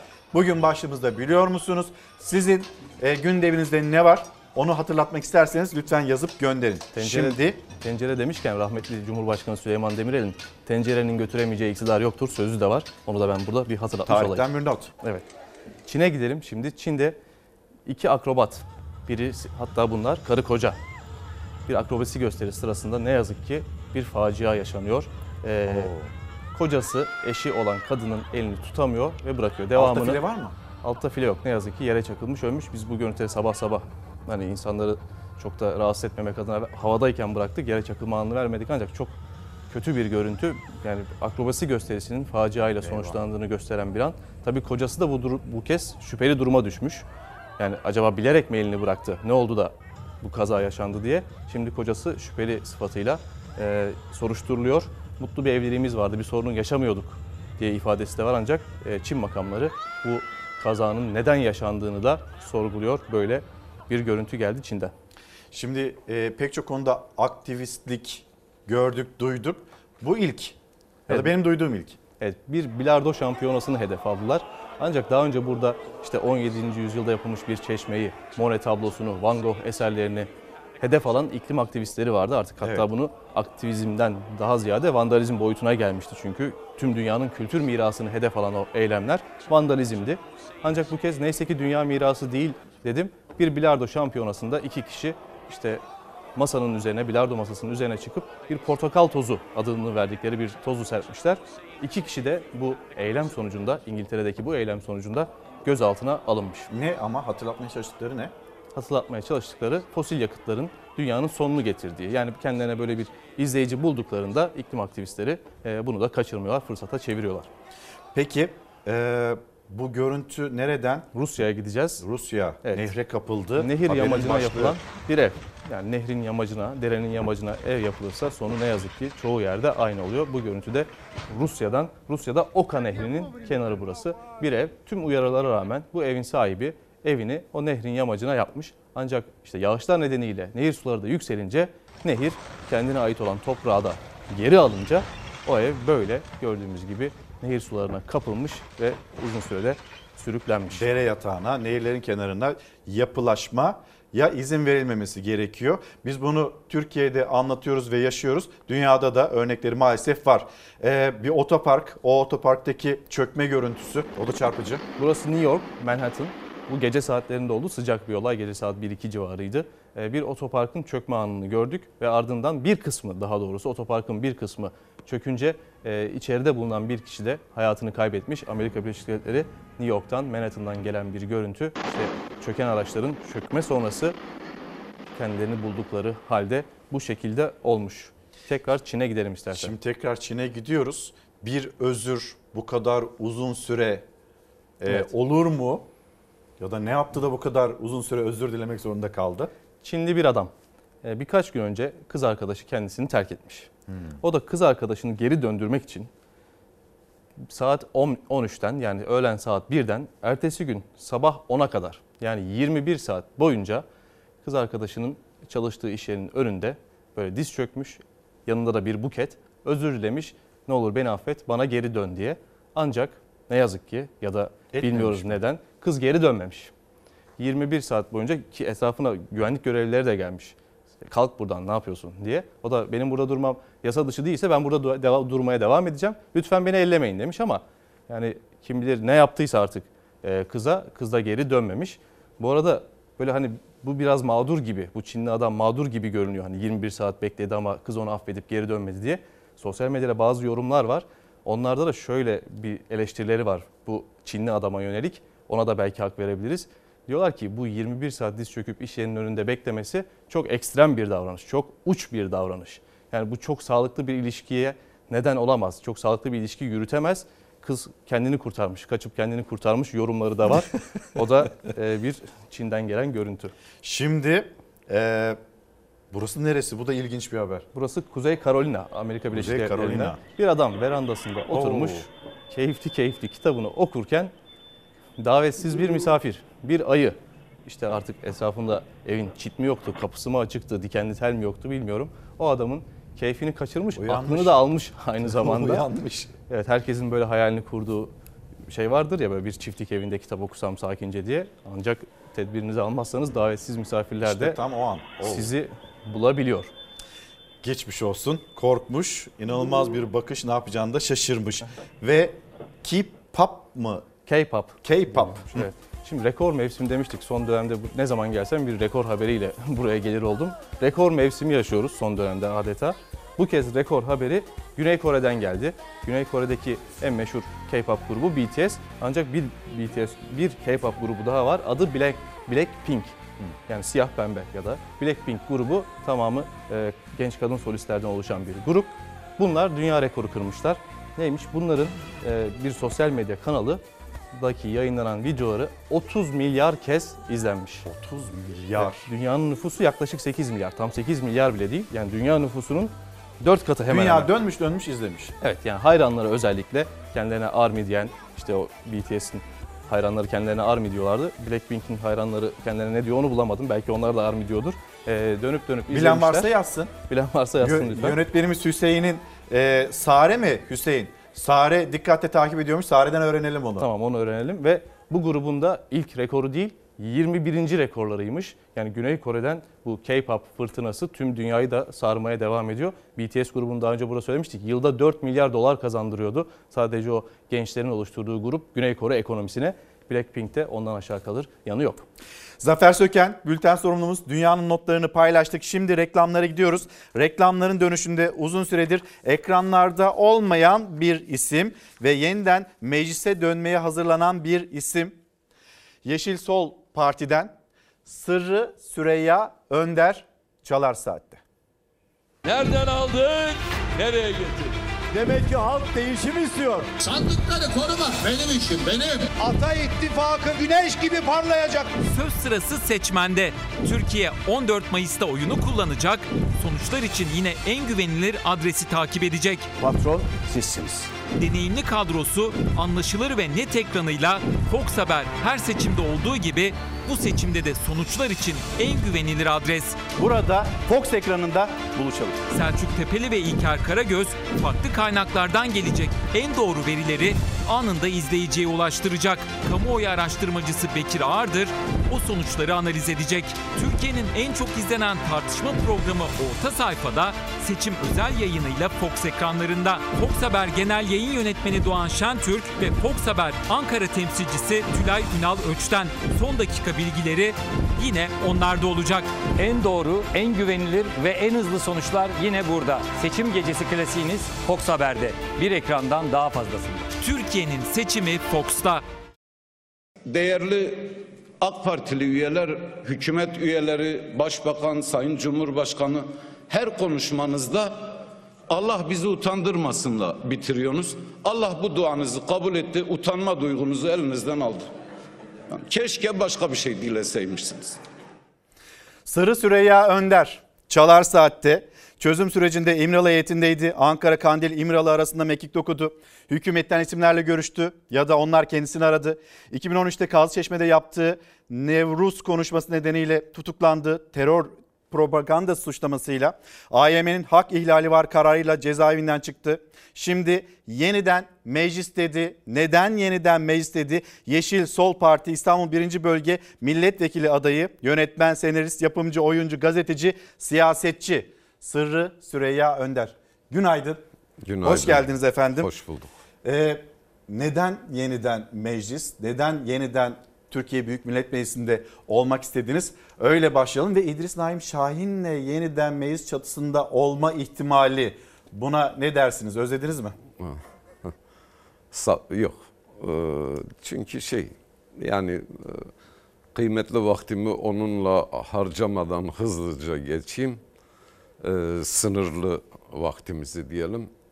Ee, bir selamla başlamak istiyorum. Çünkü siz biraz önce girişte söylediniz. işte cezaevinde AYM'nin kararıyla. Cezaevinde e, özellikle politik e, tutsaklar hep güne e, çalar saati Fox'un sabah bültenini inceleyerek izleyerek başlarlardı. Şimdi de eminim ki birçok arkadaşım, yoldaşım izliyorlar. Hepsine buradan e, selamlar, sevgiler e, göndererek başlayayım. Tam da bu sebepten siyasete girdik. Çünkü yargı bu ülkede siyasi bir enstrüman olarak 6 senedir demokratik dönüşüm talep eden, özgürlük talep eden herkesin üzerinde sopa gibi sallandı. Ee, hukukun genel ilkeleri, e, evrensel insan hakları, bunların esamesi kalmadı, gözetilmedi. Üzerinde tepinildi. Tabiri caizse bir bulgurun dövülmesi gibi e, liflerine ayrıldı. E, bu seçim diğer e, her seçimde duyarız bu tarihsel önemde bir seçim diye.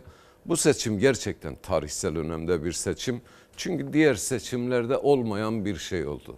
İlk defa demokrasi talep eden, daha fazla demokrasi değil, olmayan bir demokrasiyi talep eden, özgürlük talep eden e, ve geçmişte yan yana duramayan e, hükümetin, muktedirlerin sürekli birbirine tokuşturduğu geniş bir muhalif kesim ilk defa yan yana durabilme irade ve becerisini göstermeye çalışıyor. Daha gösteriyor da diyemiyoruz. Onun için e, bu tarihsel olan budur aslında. Biz yan yana durabilirsek e, fikri ayrılıklarımız olabilir, yapısal bir takım farklılıklarımız olabilir ki vardır. E, ama e, demokrasi talebi konusunda müşterekleşebilirsek e, bu ortaya çıkan bu irade e, kesinlikle ülkede demokratik bir dönüşümü başlatacaktır. E, buna omuz vermek için Ve burada bir rol mü üstlenmek için belki de Bunlar çok iddialı laflar olur. Fakat şöyle arkadaşlar şöyle ikna ettiler. Ben zaten geçen dönemde e, adaylık işte barajına takılmıyordum ama e, gerek sağlık sorunlarım, gerek e, biraz da sinemaya ve yazı meselesine yoğunlaşabilmek için izin istemiştim arkadaşlardan. E, bu süreçte e, oy alabilme ya da kamuoyunun yakından tanıdığı bir e, insan olmanın ötesinde ortaya çıkacak olan meclis e, profili de çok önemli olacak. Burada siyasi bir deneyim e, ve geçmişin tüm bu müzakere süreçlerine hakim olabilen e, hafızaların e, önemli işlev göreceğini e, düşünmüş arkadaşlar. E, bundan sonrasına da e, artık kibre girer dedik. Yine düştük yollara. Çarığımızı giydik bakalım ne olacak gerisi halklarımızın zor tercihi. oldu mu peki ikna olmanız? Yani bir deneyim aktarımı gerekiyor bize dedikten sonra artık kibir olur dediniz. E kibre girer artık. Şimdi karşımızda yine e, bir referandum gibi seçim var. Siz nasıl görüyorsunuz? Onu da sormak istiyorum. Yani 2017 referandumu e, Cumhurbaşkanlığı hükümet sistemi mi e, yoksa güçlendirilmiş parlamenter sistem mi? Bir tarafta Cumhur İttifakı'nı görüyoruz, diğer tarafta Millet İttifakı'nı görüyoruz. Emek ve Özgürlük İttifakı'nı görüyoruz. Nasıl bir seçime gidiyoruz sizce? Atmosfer anlamında, yaklaşım anlamında? Önce atmosfer dediniz önemli bir şey. O, o yani onlarca seçimde hem aday olarak hem de e, mutfağında çalıştım. İl düzeyinde, genel merkez düzeyinde e, bir e, sokağa yansıyan tüm partiler için geçerli.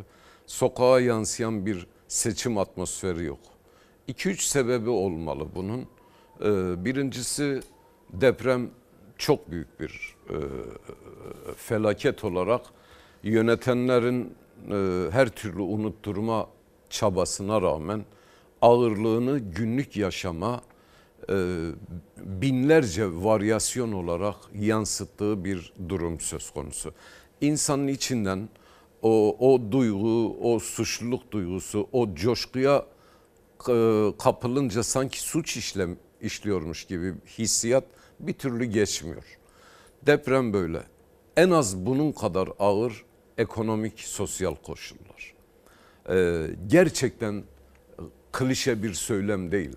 Taş kaynatıyor insanlar. Çocuğuna, evine gitmeye yüzü olmayan yeni bir kesim var. Bu çok televizyonlarda işlenmiyor. Orta yaş işsizliği. Yani genellikle yaşlılarımız ve gençler konuşuluyor. Şimdi bir orta yaş işsizliği söz konusu. Ee, evine ekmek götüremediği için e, gezen insanlar var. Karşılaşıyoruz, konuşuyoruz, paylaşıyoruz. Ne söylüyorlar size? Ee, o, o kadar ağır bir şey ki e, e, utançla ifade ediyorlar. Sanki bu durumun suçlusu kendisiymiş gibi. Bunu bir politik bilince dönüştürmek, kendisinin bu işten suçlu ve sorumlu olmadığını hissettirmek, bütün sol siyasal yapıların e, bir an önce gündemine girmesi gereken önemli bir mesele. Şimdi e, bu ve benzeri birçok sebepten e, kampanyayı birkaç gün yürüttükten sonra biraz yol ve yordam değiştirmeyi tartışmaya başladık. E, geleneksel yürüten de var. Kahveye girip el sıkan, bakkalla, kasapla sohbet eden, seçim bürolarının açılışını yapan ama başka bir şey lazım. Artık e, bizim izlemeyi düşündüğümüz yol e, sosyal medya ve diğer iletişim araçlarının e, etkin kullanımının yanında e, bu kümelere e, dönük bunların görünür kılacak ve çözüm perspektiflerimizi söyleyecek e, bir takım planlamalar bayramla birlikte e, Biz bunları getireceğiz. göreceğiz. Evet. Şimdi siz bir ekonomi tahlili yaptınız. İnsanlar taş kaynatıyor dediniz ama Cumhurbaşkanı Erdoğan'ın sözleri e, sizin tarif ettiğiniz gibi değil. Evet. Ekonomi yolunda yo öyle bir problem yok diye bir değerlendirmesi var. Birlikte izleyelim. Tabii E, sonra üzerine belki sizin eklemek istediğiniz başka karşılaştığınız insan manzaraları vardır. Onu da konuşalım. Buyurun.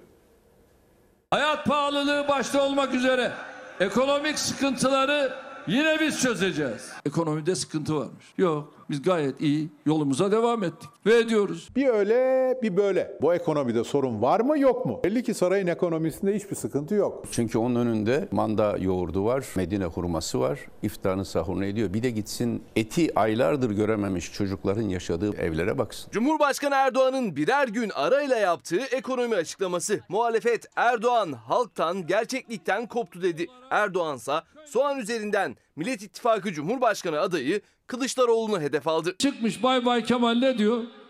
Soğan da soğan, patates de patates. Ya Bay Bay Kemal sen şöyle soğanı masanın üzerine koyar. Ondan sonra şöyle yumruğunla vurur. Onun lezzetini alabilir misin ya? Bütün servetim bu yüzüktür diyen o Erdoğan sözünden döndü. Biz zamanında içinde olduğumuz için daha erken gördük. Yanımızda olan kimdi? Bebecan. Şimdi atıyor tutuyor. Genç arkadaşlarım yaşınız sebebiyle size takma at takıp sizi itibarsızlaştırmaya çalışanlar olabilir. Onlara en iyi cevabınız yaptığınız iş olacaktır. Bana bebecan diyenler bugün hala bizim dönemin ekonomik mirasıyla övünüyor. Deva Partisi lideri Ali Babacan kendisine takma atla seslenen Erdoğan'a sosyal medyadan cevap verdi. Ekonominin dümeninde olduğu yıllarda 12 bin dolar aşan kişi başı milli geliri gösterdiği tabloyla. Hey yavrum hey. Vah zavallı. Bu Bay Bay Kemal'in adamları. Bütün deprem bölgesinde yurttaşlarım bunu açık ve net duysunlar. Evini yapacağız, dükkanını yapacağız, bir kuruş almayacağız. Şimdi Erdoğan kalkmış konuşuyor. Londra tefecilerinden aldığı sözlerle adeta sevindirik olan kişi. Bay Bay Kemal acaba Londra'dan ne kadar para aldın da geldin? Alışmışlar tefecilere para vermeye. Sanıyorlar biz tefecilerin peşinde koşuyoruz. Hayır efendim. 300 milyar dolar temiz para, helal para. Yatırım için gelecek. Nebati konuşuyor. Nasıl para buraya gelecek diye. 300 milyar dolar nasıl gelecek ya? Biz şu anda rekor kırdık. Geçen yıl 11 milyar dolar borçlandık. 300 milyar dolarlık bir fonun gelmesi çok ama çok özel bir ikram olması lazım. Türkçesi tefeciliktir. Kişi kendinden bilir işi. Erdoğan buna kim niye yatırım sözü versin? Ancak borç verirler. Ben oradayken sen bunu göndermişsin Londra'ya. Bir tarafta bizim Şampiyonlar Ligi ekonomistlerimiz, diğer tarafta bu. Tabii ki kimse takmaz bunu. Millet İttifakı Cumhurbaşkanı adayı Kılıçdaroğlu tefecilerle görüştüler diyen Hazine ve Maliye Bakanı Nebati'nin adını anmadan Erdoğan'a seslenerek yanıt verdi sosyal medyadan. Kılıçdaroğlu'na cevapsa Nebati'den geldi. Sayın Kılıçdaroğlu bizim yolumuz belli alnımız açık. Yüksek faiz vermiyoruz. Son 20 yılda bunların ödedikleri faiz 537 milyar dolar. Diyorlar ya biz faize karşıyız. Siyasiler arasında borç faiz tartışması sürerken çarşı pazarda gündem kilosu 30 liraya kadar yükselen soğan ama Bakan Nebati'ye göre ise soğan fiyatları önemli değil. Çünkü mutfakta etkisiz. Soğan 30 liraya kadar diye e, piyasada konuşuldu. Şu anda e, soğan aşağıya doğru fiyatlar e, inmeye başlamış durumda. Çünkü aslında mutfak içerisindeki etkisini ya da bir enflasyon sepeti içerisindeki etkisi açısından baktığımızda e, çok da ağır etkisi olmayan bir e, ürünün sadece muhalefet tarafından tartışılıyor olmasından dolayı gündeme gelmişti. Sarayın Nebati Bakanı bu seçime tek haneli enflasyonla girileceğini söylüyordu. Şimdi millet bunların hangi dediğine inanacak? Türkiye sandığa giderken öne çıkan gündem ekonomi. Yo ekonomi iyi her şey yolunda. Cumhurbaşkanı sözleri aslında soğan bir metafor yani enflasyon sepetindeki bir ağırlıkla ifade etmeye gerek yok. Yani soğan ya da sebzeler, meyveler, et, süt ürünleri bunlardaki pahalılığı anlatmaya çalışıyor insanlar. Ee, Sayın Nurettin Nebati'nin performansını nasıl buluyorsunuz? Ya da e, siyasetteki bu yakıştırmaları, siyasetçinin yönetenlerin Söyleyin. yaptığı şakaları siz nasıl buluyorsunuz? Bir Anadolu değerlendirmesidir. Deli sevilir, densiz sevilmesidir. Tavacı Recep'te ya da kaburgacı Mahir'de duyabileceğim bir lafları bu ülkenin ekonomiden sorumlu bakanı söyleyemez. Millet kuzu etini kokuyor diye yiyemiyor. Kuzu eti yeseler fiyat düşecek. Ancak dediğim gibi işte tavacı Recep'te, kaburgacı Mahir'de, işte kebapçı Tabii bunlar Said'de, reklama giriyor. bunlar reklam girmesin. Kimse yani Ahmet Mehmet. Burada duyabilirsiniz bunu. Yerindedir. İşte bir mekandır. Bununla geçiniyordur ama bir Maliye Bakanı'nın ağzında duyarsanız bu densizlik şeyine girer. Bu e, gerçekliğe saygı duymamak demektir. Yani bir gerçek vardır ve sen izlediğin bu neoliberal talan politikasıyla sen bu e, problemi çözmek bir yana bu problemin bizatihi sebebisindir. Ama bu şekil bir edepsizlik yapmamalısın. Bu hanelerde yoksulluk e, o kadar yakıcı bir hal almıştır ki yani artık öğün meselesi haline yoksulluk artık mutlak açlık sınırlarına inmişken sen kuzu etinin kokusunu tartışmamalısın. İnsan biraz haya eder yani. Onun için e, üzerinde bile e, konuşulmayacak kadar o öyle dedi bu böyle dedi e, Cumhurbaşkanı yo yo diyorsa bak işte uzay üssü mü uzay ajansı mı İzleyelim nedir? efendim o haberi. Ha, e, İzleyelim. Haberimiz hazır. Ee, bir kez daha belki kaçıran izleyicilerimiz vardır. Yani Ankara'da bitişik iki bina, iki kurum, Evet. uzay ajansı, yıldızlar, galaksi denilirken yan tarafında et ve süt kuyruğu, et ve süt kurumunun önündeki kuyruk. Açlığın ne olduğunu biliyor musunuz siz? Hiçbirimiz zevkten, keyfi gelip sabahın beşinden beri buralarda beklemiyoruz. Sahur vaktinde oluşan sonra uygun fiyata 1 kilo kıyma 1 kilo kuşbaşı alabilmek için girilen saatlerce beklenen kuyruklar. Yo ekonomi iyi deniliyor ama işte sokağın, işte emeklinin, işte dar gelirlinin hali. Marketlerde 350-400 alamıyoruz. Biz emekliyiz. Gücümüz yetmiyor. Sahuru yapıyorlar, geliyorlar buraya sıraya giriyorlar.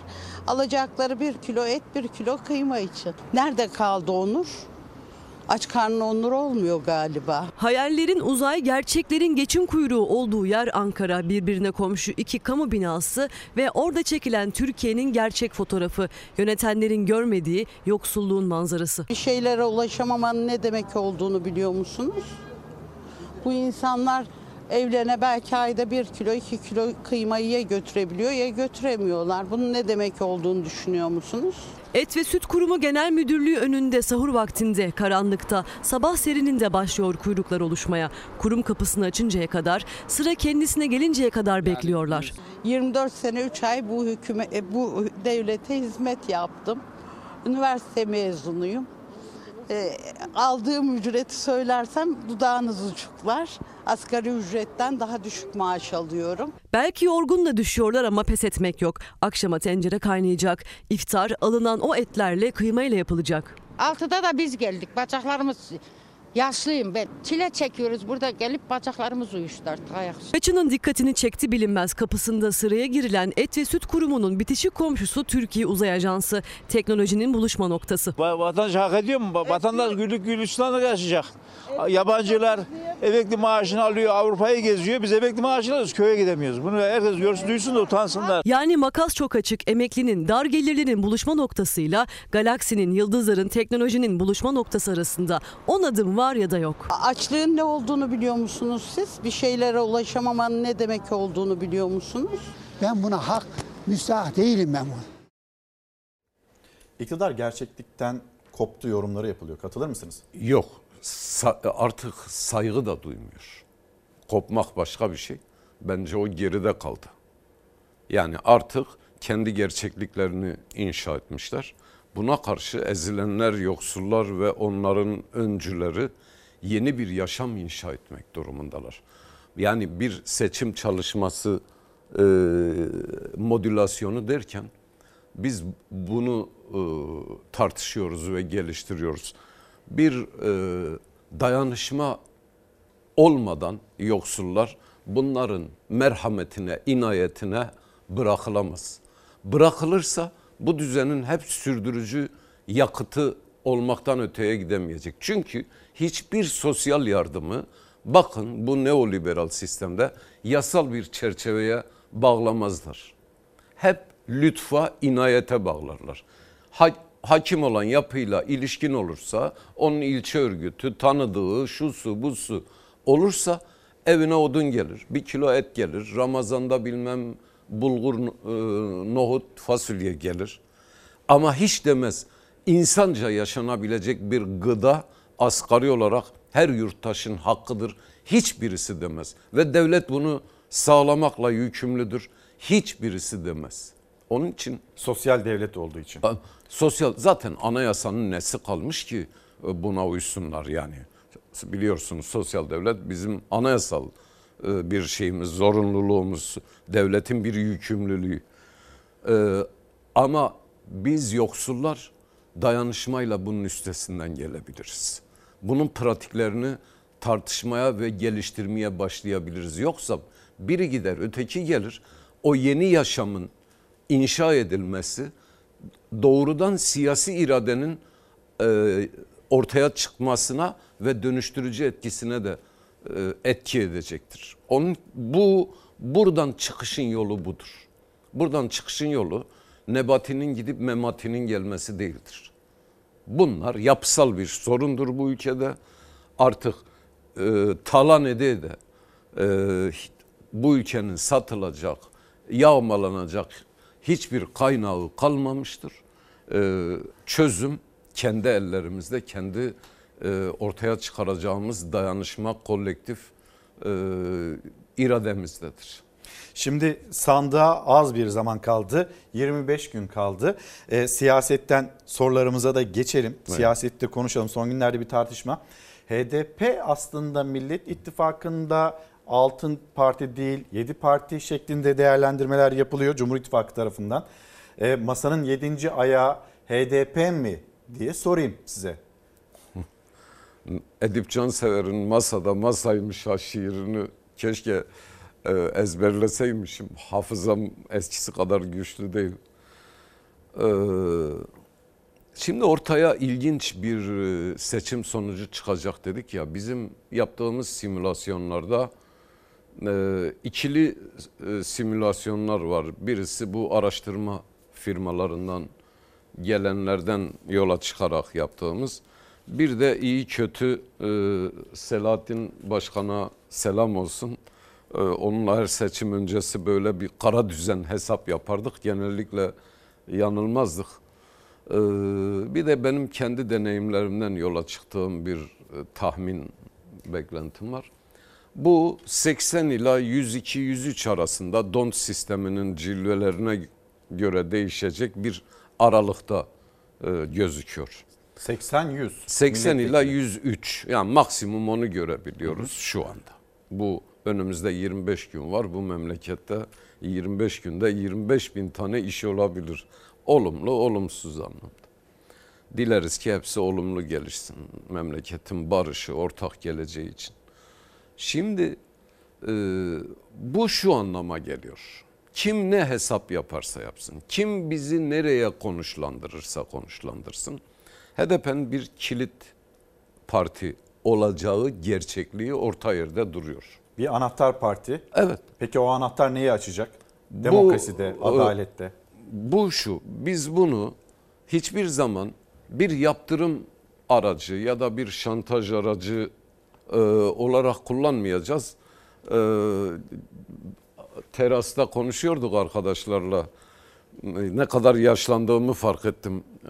Er, rahmetli Erbakan'ın kadayıfın altı kızardı kızarmadı deyip o sayısal çoğunluğunu e, ülke siyasetini dizayn etmek için e, kullandığı bir kavram vardı. Biz bunu demokratik dönüşümün payandası yapacağız. Şeksiz, şüphesiz, pazarlıksız e, ve açık.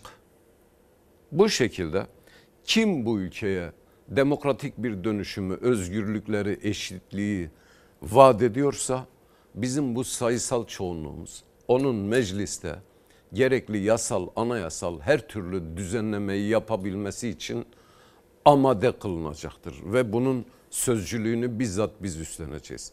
Diğer siyasal partilerin kadrolarına bakıyorum. Onlarda olmayıp bizde olan en önemli siyasal referans budur, özgürlüklerimizdir.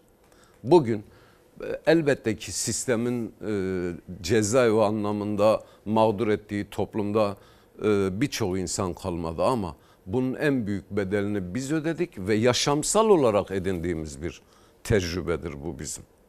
Yaşamsal olarak edindiğimiz bir tecrübedir. Bu tecrübede kendini kanıtlayarak büyüte gelmiştir bugüne kadar. Hep kendini kanıtlamıştır. Ama bu canla, bu özgürlüklerimizle, bu itibarlarımızla, bu birçok şeye rağmen yapıla gelmiştir. Dolayısıyla bu siyasi tecrübe bizde vardır. Bizde vardır ve sınanmıştır. O yüzden önümüzdeki dönemin anahtar partisi, kilit partisi ne dersek diyelim e, Yeşil Sol Parti olacaktır. Ve biz bunu ülkenin geleceği için, e, barışı için ve demokratik dönüşümü için amade kılacağız. Kim bundan başka bir şeyi aklına getirirse bu yapı olduğu gibi karşısında olacaktır. Kimin oğlu kimin kızı demeden. O yüzden herkes kendini bir demokratik dönüşüme e, şimdiden hazırlamalı, buna yoğunlaş, yoğunlaşmalı ve e, yaratıcı çözümler, öneriler getirmeye çalışmalıdır. Birinci boyutu bu. E, ikinci boyutu ülkeye bir bakıyoruz. Biraz önce kaynakların yetersizliğinden söz ettik. Ama bir de şöyle bir boyut var. Baştan aşağı bir nefret söylemini e, hakim kıldılar. İnsanlar boğulmuş, nefes alamıyor. Bir kimse yok ki yan komşusuna, iş arkadaşına, okul arkadaşına herhangi bir özelliğinden dolayı bir kıcık, bir öfke, bir kin, nefret duymuyor olsun. Yeter artık millet bundan kına gelmiş durumda. Bu ülkenin bak bahar da geliyor gerçekten. İşte her sene olduğu gibi bu sene de geliyor. Biz bu dayanışmayı, başta söylediğim dayanışmayı bir elimize alacağız. Bu ülkemizi topyekün bir elimize alacağız. Ondan sonra e, demokrasiyi, özgürlüğü hedeflediğimiz zaman bu ülkenin kaynakları adil, denetlenebilir, e, verimli kullanılmaya başladığında bu ülke önce bir nefes alacak. Nefes alınca her türlü yokuşu çıkarız biz. Şu an tık nefes durumda ülke. Şimdi e, HDP penceresinden bakıldığında, Yeşil Sol penceresinden bakıldığında karşımızda bir Millet İttifakı var, bir de Cumhur İttifakı var. Evet. E, bu ittifaklar, onların vermiş olduğu fotoğraf siz nasıl bakıyorsunuz? Mesela Cumhur İttifakı'nda Hüdapar'ın orada olması, Yeniden Refah'ın orada olması, son anda DSP'nin dahil olması, Büyük Birlik Partisi, AK Parti, Milliyetçi Hareket Parti zaten başlangıçta da onlar yoldaydı. Yan yanalardı. Siz nasıl görüyorsunuz Cumhur İttifakı'nı, o fotoğrafı? Görmüyorum. Yani baktığımda orada görülecek bir şey yok. Ee, bu ülkenin geleceği için e, oradan bir hayır, bereket, e, rahmet e, çıkabileceğine dair hiçbir şey yok. Bu nefret söylemi en çok oradan pompalanıyor. Yani onun için e, onu geç. Şu anda ülkenin bu yapıdan e, bir an önce demokratik yollarla kurtulması gerekiyor. Bu onların da hayrına olacak bir şeydir. Çünkü e, sevimsiz, hiyerarşik, herkese tepeden bakan, e, AKP'nin kuruluş sürecini, o başlangıçtaki halkla iç içe halini hepimiz hatırlıyoruz, biliyoruz. O günle bugün arasındaki farkı da biz biliyoruz. Bilmeyen ya da unutmayı tercih eden bizatihi onlar. Onun için e, şimdi e, seçim standlarını da geziyoruz. İşte kampanya da yürütüyoruz. Biraz önce bizim için yaşamsaldır dedim. Onun için sadece fantazi. Bizim için yaşamsal. Biz bu hükümeti gönderemezsek nefes alamıyoruz. Biz sadece bizle de sınırlı değiliz. Bu ülkenin işçisi, emeklisi, genci, işsizi, hiç kadını hiç kimse nefes alamıyor. Bu yaşamsal demektir. Onların umurunda değil. Bu bir bardak çayı buradan buraya koy dediğinde ben bundan ne götürürümü hesap etmeden iş görecek insan yok işlerinde. Onun için orayı geç. Millet İttifakı önemli bir irade gösterdi. Yeter mi? Hayır ama başlangıç için bugüne kadar yapılmamış bir şeyi başardı Sayın Kılıçdaroğlu. Ee, bu bunu başarmış olmak onun omuzlarına çok daha ağır sorumluluklar yükledi. Altından kalkarsa, hakkını verirse e, ülkenin geleceğinde çok önemli bir rol ve e, işlev yerine getirmiş olur. Biz de desteğimizi esirgemeyiz. E, bunu ben kişisel düşüncem. E, yerine getirmese de büyük bir fırsatı heba etmiş olur. Hani bir laf var yap sarayında otur yık viranende otur artık saray dediğimiz hani eski o gönül sarayı gibi anlayalım. Mevcut saraylar gibi anlamayalım. Şimdi siz bir yandan kendinize oy isteyeceksiniz. Evet. Diğer tarafta bir kampanyada devam edecek Cumhurbaşkanlığı için. Ee, HDP bir Cumhurbaşkanı adayı ya da Emek Özgürlük Platformu bir Cumhurbaşkanı adayı çıkartmadı. Ee, Pervin Hanım, Pervin Buldan da e, bayramdan sonra kimi destekleyeceğimizi açıklayacağız dedi. Gerçi siz biliyorsunuz dedi.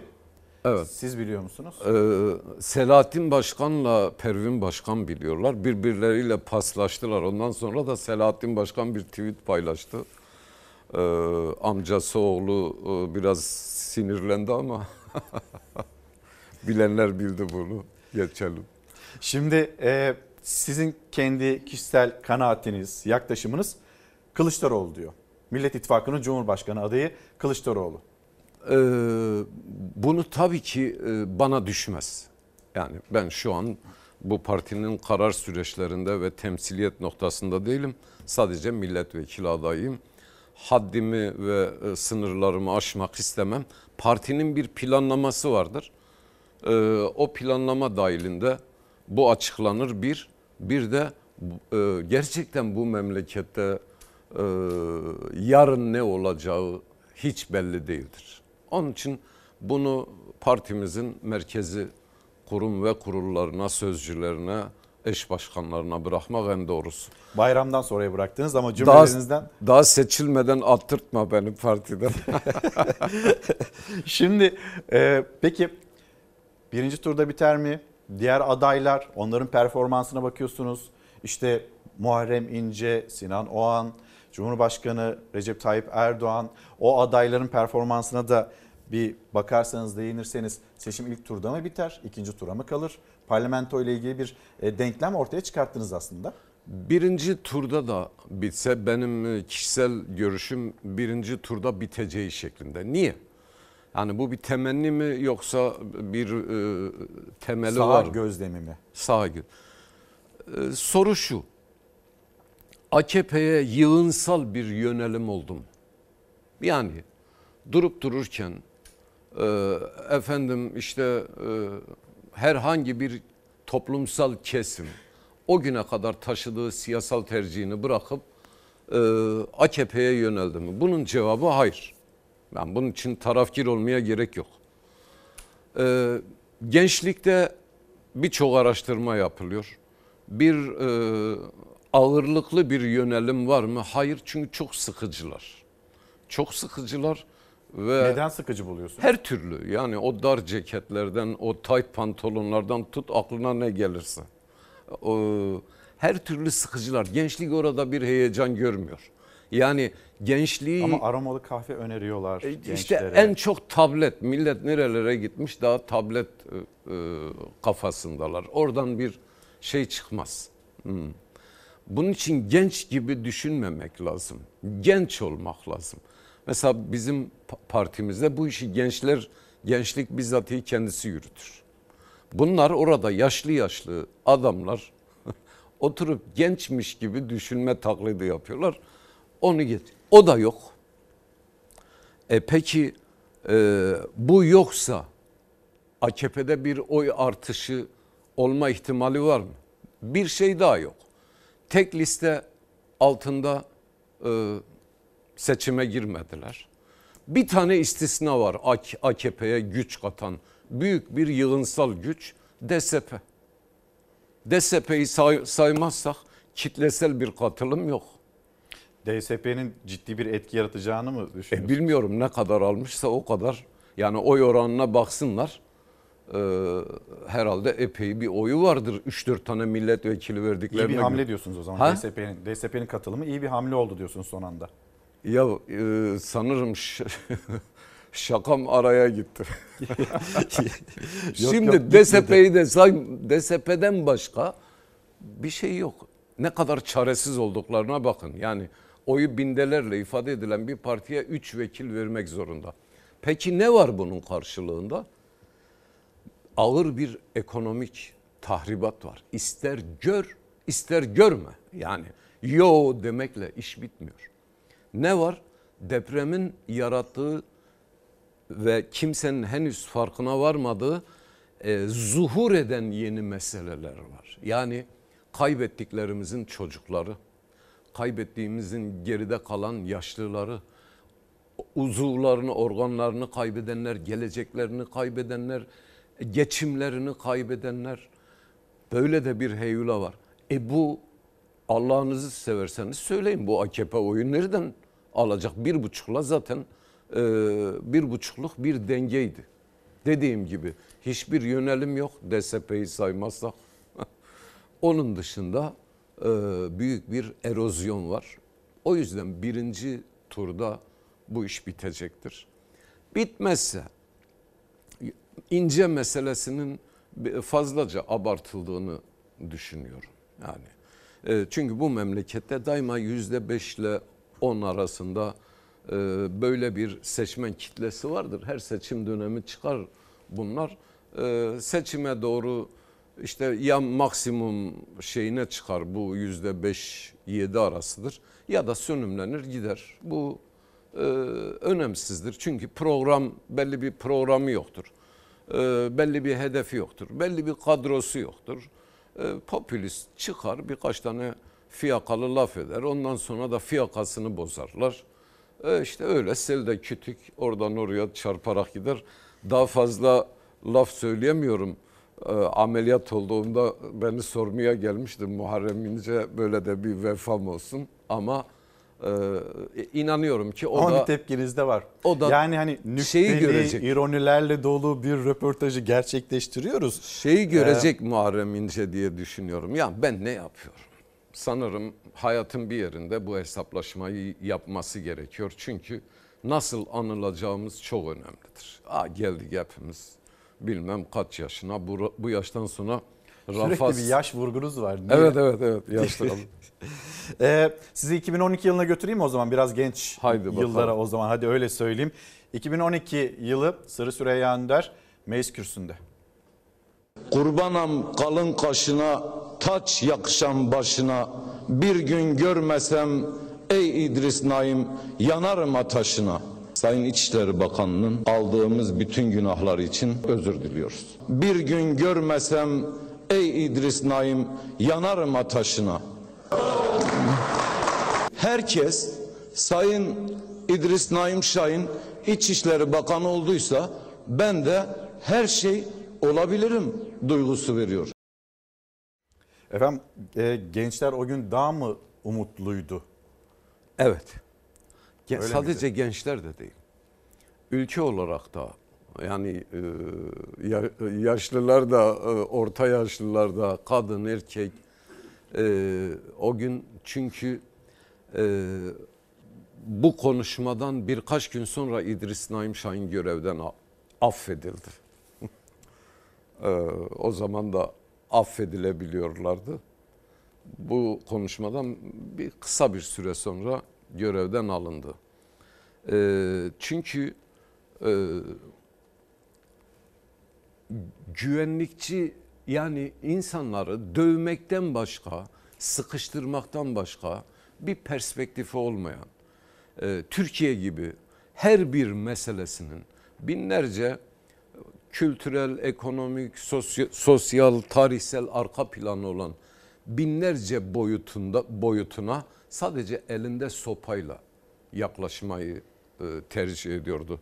Bu bizim e, tutuklu vekillerimiz vardı tıpkı bugünkü gibi Diyarbakır'da. Onlar için bir açlık grevi yapmıştık Diyarbakır'da. E, oradan dönerken sonra onların e, açlık grevi sonlandırıldı. Şey, e, sonra onların tutukluluk halleri sonlandırıldı. Mecliste gel, gelmeleri konusundaki engeller kaldırıldı. Giderek barış sürecine evrildi o süreç. E, bu e, bu direniş onun yolunu açtı ve e, o zaman ben bunu söylediğimde e, İdris Naim kendisine Sayın İdris Naim Şahin kendisine iyi bir şey söylediğimi zannetti ve CHP'liler e, CHP sıralarından bir sürü tabii anlaştınız falan sesleri. Sonra döndüm e, o laf CHP'lilere söylenmiştir. Ya hiç şöyle bir projeniz yok dedim. Yani Cumhuriyet'in kurucu partiyiz diyorsunuz. Bak AKP böyle bir adamı İçişleri Bakanı yapmış. Gençlik bakıyor bu İçişleri Bakanı olduysa ben her şey olurum diyordu. Umarım Şimdi bu kabinede var mı öyle gördüğünüz birisi? Bilmiyorum. Ben benim işim de değil. Ee, umarım süreçten e, Çünkü umuda ihtiyacı var. süreçten yeterli e, deneyimi e, ve e, yüzleşmeye, hesaplaşmayı yapmıştır. Çünkü e, en büyük vebal sahibi insanlardan birisiydi. Ve umarım bunu kamuoyuyla da paylaşır. Kendisinde var ise eğer böyle bir dönüşüm. E, siyaseten benim bunların hiçbirisiyle bu şahsiyetlerin kişisel bir şeyim olamaz. E, kişisel ilişkilerim de mizacım gereği her insanla saygı, sevgi çerçevesinde iyidir. Benim dert ettiğim meselenin toplumsal boyutudur. Burada söylediklerim de o çerçevededir. Ee, ama binlerce insan e, çok ağır bedeller ödediler. Ee, ne diyelim önümüze bakalım. Ee, bunu hep e, söylemekle yol alınamıyor. Bu bizim yaşadığımız son e, içine düştüğümüz son kuyu olsun. Çıkalım buradan. Kuyu derin değil, ip kısa. Ee, şimdi deprem bölgesine gidelim. Ee, 73. günündeyiz deprem felaketinin. Adıyaman'ı konuşalım. Sizin gözlemleriniz, orada e, olanlar, yaşananlar ve dediniz ki hani o zamanlarda da e, bir af mekanizması vardı. Şimdi bakıyoruz depremde bu 50 binden fazla insan hayatını kaybetti. Bir kişi istifa etmedi. E, Kızılay Başkanı Kerem Kınık e, kabinede hemen herkes Kerem Kınık'tan şikayetçi ya da bir rahatsızlığını iletiyor. Pire için yorgan yakmayalım diyor. E, ya da üzüldük çadır sattığına diyor. Ama Kızılay'ın başkanı da görevine devam edebiliyor. Bir deprem bölgesine gidelim. Kızılay Başkanı'nın satmış olduğu çadırlar ve burada devam eden tartışma konuşalım. Çadır satışı e, Ahbap Derneği'ne 10 Şubat'ta yapılmıştı. Çadır satma meselesi tabii yanlıştı. Bu da tabii ki herkes üzülmüştür. Biz de üzüldük e, çadır satılması olayı. Kişisel olarak beni rahatsız ediyor. Ee, çünkü kendisi çok yıprandı. Ee, bu süreçleri doğru yönetemediği aşikar. Kızılay'ın zaten kendi genel kurulu vardır. Kendi yönetimini kendisi belirler. Orada zaten gerekli tedbirler gereken yapılır. Ama burada biliyorsunuz Kızılay bir dernek statüsünde. Derneklerin genel kurulları var. Derneklerle ilgili e, nasıl işlemler ve usuller uygulanacağı da E, herkes bir üzgünlüğünü ifade ediyor dediğim gibi. Ee, son derece yanlış. Kimse üzgün falan değil. Kimse depremzede, depremzedelere üzülmüyor burada. Kendisi çok yıprandı diyor. Yıpranan burada ben kaç gündür e, bu haber bültenlerini izliyorum. E, iki şeyi dile getireceğim. Birisi bu haber. Efendim bütün kabine ya da hükümetin önemli insanları bu duruma üzülmüşler. Üzülmediler. Kerem Kınık'a üzülüyorlar. Sayın Varank'ın söylediğine bakın. Ken, üzgünüm kendisi çok yıprandı. Çok muazzez, çok muhterem bir e, performans göstermiş. Buna rağmen üzülmüş bir insana edilmiş bir laf bu. Neyine üzülmüşler? Bu bu iktidar her şeyi riske atar. E, mütehakkim yani ben kontrol edemiyorum e, izlenimini riske atmaz. İki dakikada onu o kapıdaki güvenlikçiyi gönderir. Kulağından tutar attırır. Bekçiyle attırır. Yani öyle müfettiş göndermez. O bekçi kapıya dikilen Kızılay'ın güvenlikçisine der ki git bunu al at hiç genel kurula falan gerek yok. Bilmiyor muyuz? Bu ülkede mülkiyet hakkı ihlal edilirken, bu ülkede özgürlük ihlal edilirken, bütün temel haklar ihlal edilirken hangisinde mevzuat gözetmişler de bunda gözetecekler? Bir acayip algı şeyi, çaresizliği, bu da literatüre ikramım olsun. Efendim çok üzülmüşler. Lan bize üzülmüyorlar kardeşim. Üzüldükleri Kerem Kınık'ın süreci iyi idare edemeyip kendini yıpratmış olmaz. Bu böyle. Başka bir şey. Karpuz keser gibi yayın kestiler bu memlekette. Bir televizyonda konuşuyoruz. Bir diziyi son dakika kestiler. Aynı yayın grubunun akşamında, aynı yayın grubunun başka bir televizyonunda e, hükümet yanlısı insanlar e, memleketteki asgari demokratik şartlardan bahsediyorlardı. Gerçekler bazen çok basittir. Ya ne diyorsun babasın sabah akşam üzeri bize e, bu yayını getirdin üstelik yayın yasağını. Üstelik bu bir drama üstelik ben buna kaç kere durdurma kararı almışım sen falan demiyorlar. Gerçekler bazen çok basittir. Bunu bu yalınlığıyla dile getirmek lazım. Kaç gündür buna maruz kalıyoruz. Hükümet çaresizmiş. Örtü, örtü ölem. Böyle bir şey olur mu? Adam kendisi çok yıprandı diyor ya. Ah vah ediyor Kerem Kınık'a. İşte bu zihniyet. Ee, zannediyorlar ki insanlar bunu fark etmiyor. Vay onların haline ya da veil onlara. Herkes durumun farkında. Toparlayabilirler mi? Çok zor. İmkansıza yakın. Şikayetçi olduğunuz konu az önce de anlattınız. Yani siyasetin dili, üslubu, insanların birbirinden uzaklaşması, e, uzaklaştıkça uzaklaşması belki. E, seçim atmosferinde bu yine devam ediyor. E, özellikle Millet İttifakı ve Millet İttifakı'nı kol kola e, terörle kol kola yürümekle itham eden cümleler de geliyor. Cumhur İttifakı'ndan, iktidardan. Dinleyelim, konuşalım. Bizim milliyetçilik anlayışımızı sorgulamaya çalışıyorlar. Gaffar Okka'nın katilleriyle işbirliği yapanlar bize hesap soramazlar. Bir tarafta şu anda terör örgütünün parlamentodaki uzantısıyla işbirliği yapan ve dağdan, Kandil'den biz Bay Bay Kemal'in yanındayız diye haberler gönderen teröristlerin savunduğu bir maalesef yedili masa var. Ama bir tarafta da hamdolsun milletinin bütün her şeyine sahip çıkmanın ahdi içerisinde olan bir Cumhur İttifakı var. Kandil'le benim yani Meral Akşener ve İyi Parti'nin herhangi bir irtibatı olabilir mi?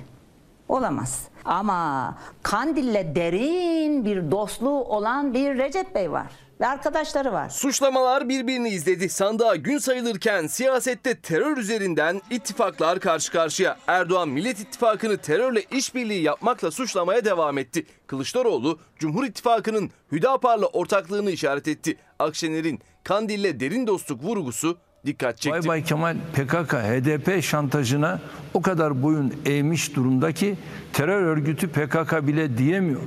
Diyemez. Kandil bir terör örgütünün bir şubesi ama sizin yakınınız. Ben Sayın Erdoğan'la yani AK Parti'nin birçok sistemiyle Kandil'in, İmralı'nın derin bir ahbaplığı olduğuna inanan bazı bilgilerde sahibiyim. O masada HDP yok. Bu netlikteyiz. Ne bakanlık ne bir başka şey dolaylı, dolaysız, altında, üstünde, kenarında yok. Saray ne zaman seçimi kaybedeceğini görse milyonlarca Kürde terörist muamelesi yapılıyor. İnsanımızı devlete yabancılaştırıyorlar. Ne için? 3-5 oy için. Utanmıyorlar. Bay Kemal'e iftira atacaklar diye milyonlarca insanın haysiyetiyle oynanır mı? Cumhurbaşkanı Erdoğan Millet İttifakı'nı yedili masa diye ifade ederken HDP'yi de içine katıyor. Millet İttifakı'nı terörle yan yana yürümekle suçluyor. Kılıçdaroğlu Kürtler başlığıyla paylaştığı videoda da Erdoğan Kürt vatandaşlarını terörist gibi gösteriyor dedi. Sert çıktı. Erdoğansa hem CHP'yi hem de HDP'yi Kürt düşmanı olmakla suçladı. Şimdi yetmedi. Bize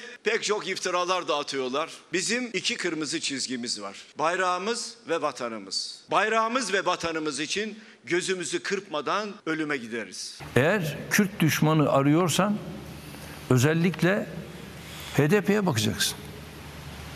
Kürt düşmanı arıyorsan CHP'ye bakacaksın. Bunlar Kürt kardeşlerimize düşmanlar.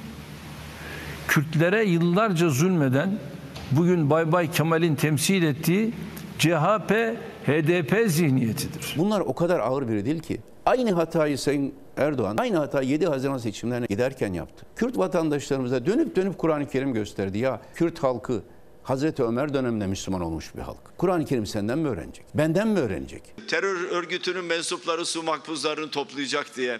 Efendim sosyal yardımlar kesilecek diye. Bunlar gelince sosyal yardımlar kesilecek. Hayır efendim.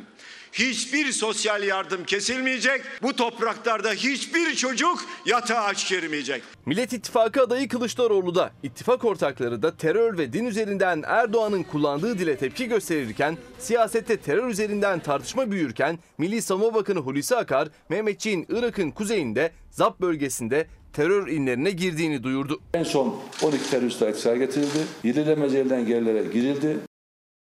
Yani şimdi e, HDP Türkiye Partisi olma hedefinde çoğu yerde de zaten böyle bir görüntü. Emek ve Özgürlük platformuyla daha da geniş kitlelere seslenmeye çalışan bir parti. Ama yine de HDP'nin sürekli sıkıştığı ya da sıkıştırıldığı bir söylem mi diyelim. İşte terör örgütüyle yan yana. Terör örgütünün siyasi kolu uzantısı. Meclisteki uzantısı. Buna net bir yanıtınız var mı? Bir de Kürt seçmeni üzerinden verilen e, mesajları gördünüz. Ne dersiniz? İsmail Küçükkaya'yı sevgiyle anarak başlamak isterim. Biz de buradan selam gönderelim. bu soruyu bana Fox'a bu benim ikinci gelişim. İlk soran İsmail Küçükkaya'ydı. Ben de bir cevap verdim. 16 yılla yargılanıyor. Şimdi bu sorunun iki cevabı var. Birinin karşılığı 16 yıl hapisle yargılanmak. Tüm bunları topladığımız zaman o ben o su kulesine çıkarma şeyini saymıyorum Ankara'daki bile. tamam.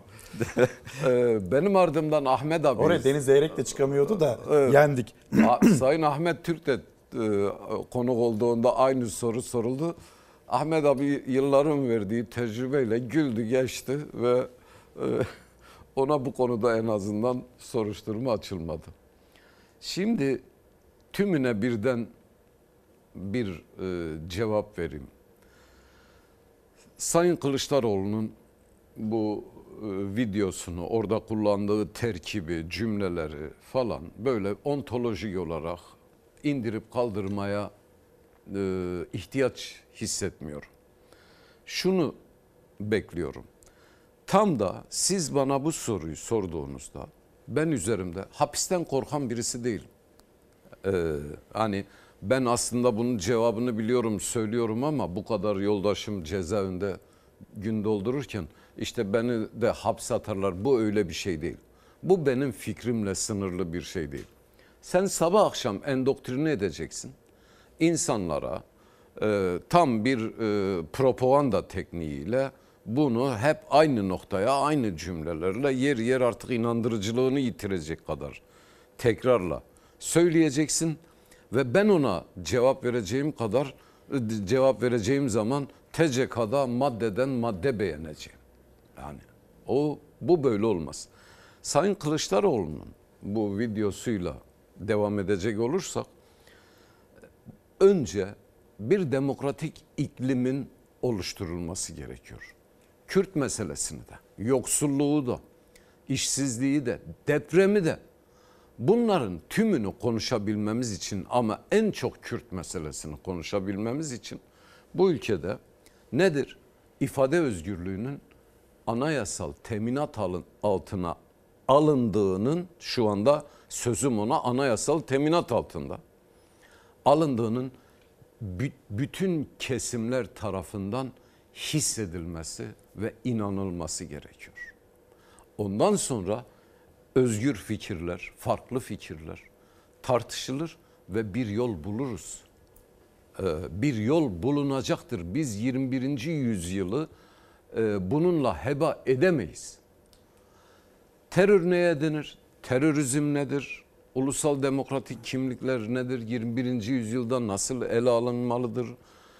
Dan başlayıp e, birçok alt başlığı çünkü dediğim gibi tarihsel, ulusal, e, sosyo-kültürel birçok arka plan şeyi barındıran bir meseleyi getirip böyle bir çatışma aralığına sokar, sokarak değerlendirirsek bugüne kadar olduğu gibi olur. Bugüne kadar bunu yaptınız zaten. E bu, bununla çözülmediği ortada. Bir de başka bir hüviyet kazandırdı. E, şu feraset yok yani. E, en basit kurmay aklı böyle karşında soru sormayan gazeteciler olduğu zaman e, sen söyledin onlar e, tap ettiler yayınladılar olduğu zaman böyle konuşmak kolay. Basit bir kurmay aklı. Sen bunu eğer bir genel kurmay arka odasında konuşsaydın peki komutanım diye sorarlardı. Şimdi biz bunu ulusal bir mesele aldık, bölgesel bir meseleye dönüştürdük ve biz bu paradigmayı hiç değiştirmedik. E ne olacak bu? Hmm, Bunda bizim sorumluluğumuz, bunun bunda bizim sebep olduğumuz şeyleri bir maddelesek mi e, diye sorsa verilecek bir cevapları yok.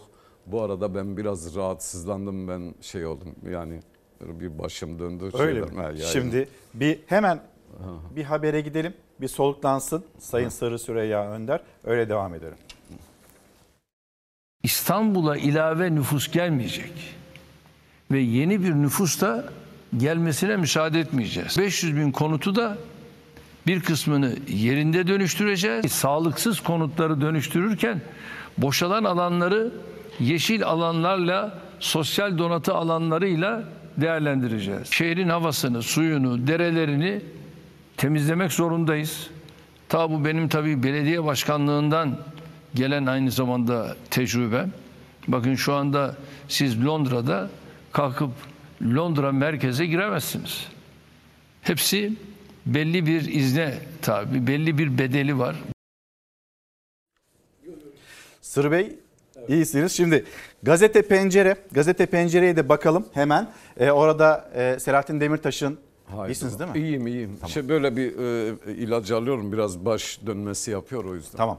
Ee, gazete pencerede Selahattin Demirtaş'ın e, sözleri var. Hani cezaevinde kalmakla ilgili Evet. yani siz hayat pahalılığını azaltın, geriye çekin ben burada yine cezaevinde kalmaya devam ederim diyor Selahattin Demirtaş. Gelebilir mi o detay?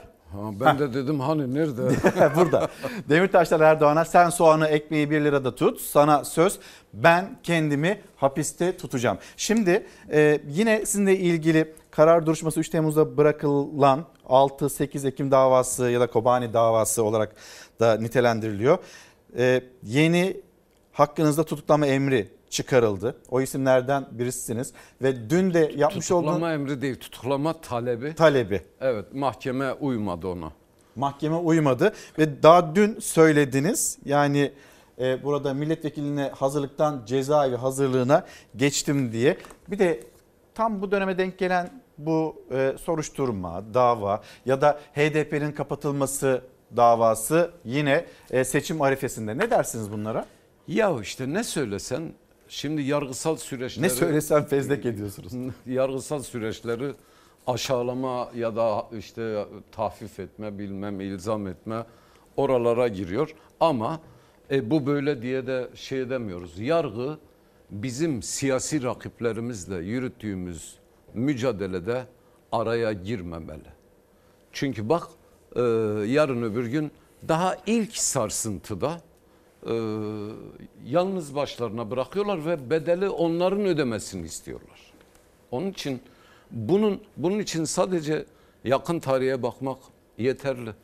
Ee, Kobani davasının e, e, ilk yargıcı çete lideri çıktı. Yani şimdi daha fazla söze ne gerek var? Oradaki beyanımda da söyledim. Burada başka bir şey var. Bunlar e, bunların feraseti yok. E, bu yaşayacağız göreceğiz. Burada kayda geçiriyor. Bu Kobani davası ileride bütün çözüm sürecinde yer alan AKP'li kadroların yargılanma davasının ilk adımıdır. Bunlar şark tatlı su kurnazı. Kendileri bizi siyasal sürecin dışına ittiklerini zannederken bunlara gel gel ettiler. Gel gel ettiler ve kendi yaptıkları manipülasyonlarla kendi mahkumiyetlerinin yapı taşlarını döşediler. Yaşayacağız göreceğiz. Biz o günde sanık, bugün de sanık. Eğer memlekete bir hakkın bir özgürlük gelmezse. Bunlar da şöyle bir nohut kadar bunu idrak edecek akıl yok. Çok iddialı söylüyorum. Bu davayı e, bir geriye doğru baksınlar bu aklı bunlara kim verdi? Buradan davanın açılmasını kim telkin etti? Kim verdi biliyor musunuz? Bilmiyorum. Bilsem de zerrece şey etmem. Yani ansiyen rejimin yani bir e, Tayyip Erdoğan'a bir Pirus zaferi verip mecalsiz bırakarak buralara getirmek isteyen sistem hiçbir zaman böyle tek taraflı bir şey kağıt aşmaz yani. Üç beş koldan hangisi tutarsa bu dava ileride göreceğiz. Çünkü e, hani Saddam'a demişti ya senin yasalarınla seni yargılıyoruz. Senin iddianamenle seni yargılıyoruz diyecek. Sen bu iddianameyi senin Adalet Bakanlığın, senin güvenlik birimlerin, senin kurumların hazırlamadın. Sen ne kadar devlet kurumu varsa her biri bir siyasal parti oldu. Et biraz önce et süt kurumunu söyledik ya. Evet. O bile bizden şikayetçi hakkımızda ağırlaştırılmış müebbet istiyorlar. Devlet dairelerini bir siyasal parti şubesine dönüştürdüler. E şimdi diyecek ki sen et süt kurumunu bile bu mahkemeye şikayetçi olarak göndermişsin. Hele gel bakalım siz de bir dizilin bir anlatın bakalım. Bir iddia bir iddianame Sarı Süreyya Önder'den. Şimdi efendim bir dakikamız kalmış. Eyvallah. Ee, çözüm süreci neden bitti diye size bir sorayım. Dolmabahçe fotoğrafı, bütün Türkiye o fotoğrafı gördü. Oradaki açıklamaları herkes gördü. Siz sürecin içindeydiniz, tam merkezindeydiniz. Ee, sadece hükümet ve AK Parti ile değil de Türkiye Büyük Millet Meclisi de sürece dahil edilmiş olsaydı ya da daha şeffaf ilerleseydi biter miydi? Bugünden geriye baktığınızda ne görüyorsunuz? Türkiye Büyük Millet Meclisi sürece dahil edilmek istendi. Eğriye eğri, doğruya doğru. Çözüm süreci komisyonu kuruldu. E, hiçbir siyasal parti üye vermedi. Bir kere o hani bazı laflar var çok söylenince kulakta da iyi çınla, çınlayınca doğruymuş gibi geliyor. Öyle değil. Ben defalarca en az üç kez hangi muhalefet partisi davet ederse süreci tüm safahatıyla süreç hakkında hem olan biten hem de e, kendi partimizin görüşlerini aktarmak üzere hazırım diye açıklama yaptım ben kendim. Geldi geçti. Bizden kaynaklanan eksiklikler, yetmezlikler vardı. Devletin henüz savaş paradigmasından vazgeçmemişliği, vazgeçmeye hazır olmamışlığı vardı.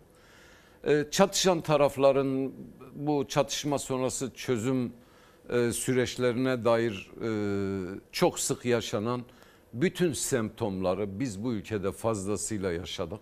Ama bu böyle oldu diye bundan vazgeçecek değiliz. En kötü müzakere bile çatışmalardan, can kayıplarından binlerce kat iyidir. Yüz yıl bile sürse. Onun için oturacağız. Biz de yetmezliklerimizden ders çıkaracağız. Eksikliklerimizi önümüze koyacağız. En cesuru belki biz olacağız. Çünkü niye? Bizim için yaşamsal. Bunları yapacağız ve parlamentodaki gücümüzü olumlu anlamda bu dönüşüm için seferber edeceğiz diyeyim bitir. Efendim teşekkür ederim. Ben teşekkür Geldiniz, ederim. bizi kırmadınız. Siyaset, ekonomi, e, Türkiye'nin geleceğine dair önemli mesajları vardı. Sırı Süreyya Önder'in. Bugün için noktalıyoruz. Yarın saatler 7.45'i gösterdiğinde yeniden burada olacağız. Ekranlarınızda en çok depremi konuşacağız. Hatay'ı konuşacağız, Kahramanmaraş'ı konuşacağız. Can kayıplarını konuşacağız. Konuşmak zorundayız. Hoşçakalın, güzel bir gün olsun. Efendim çok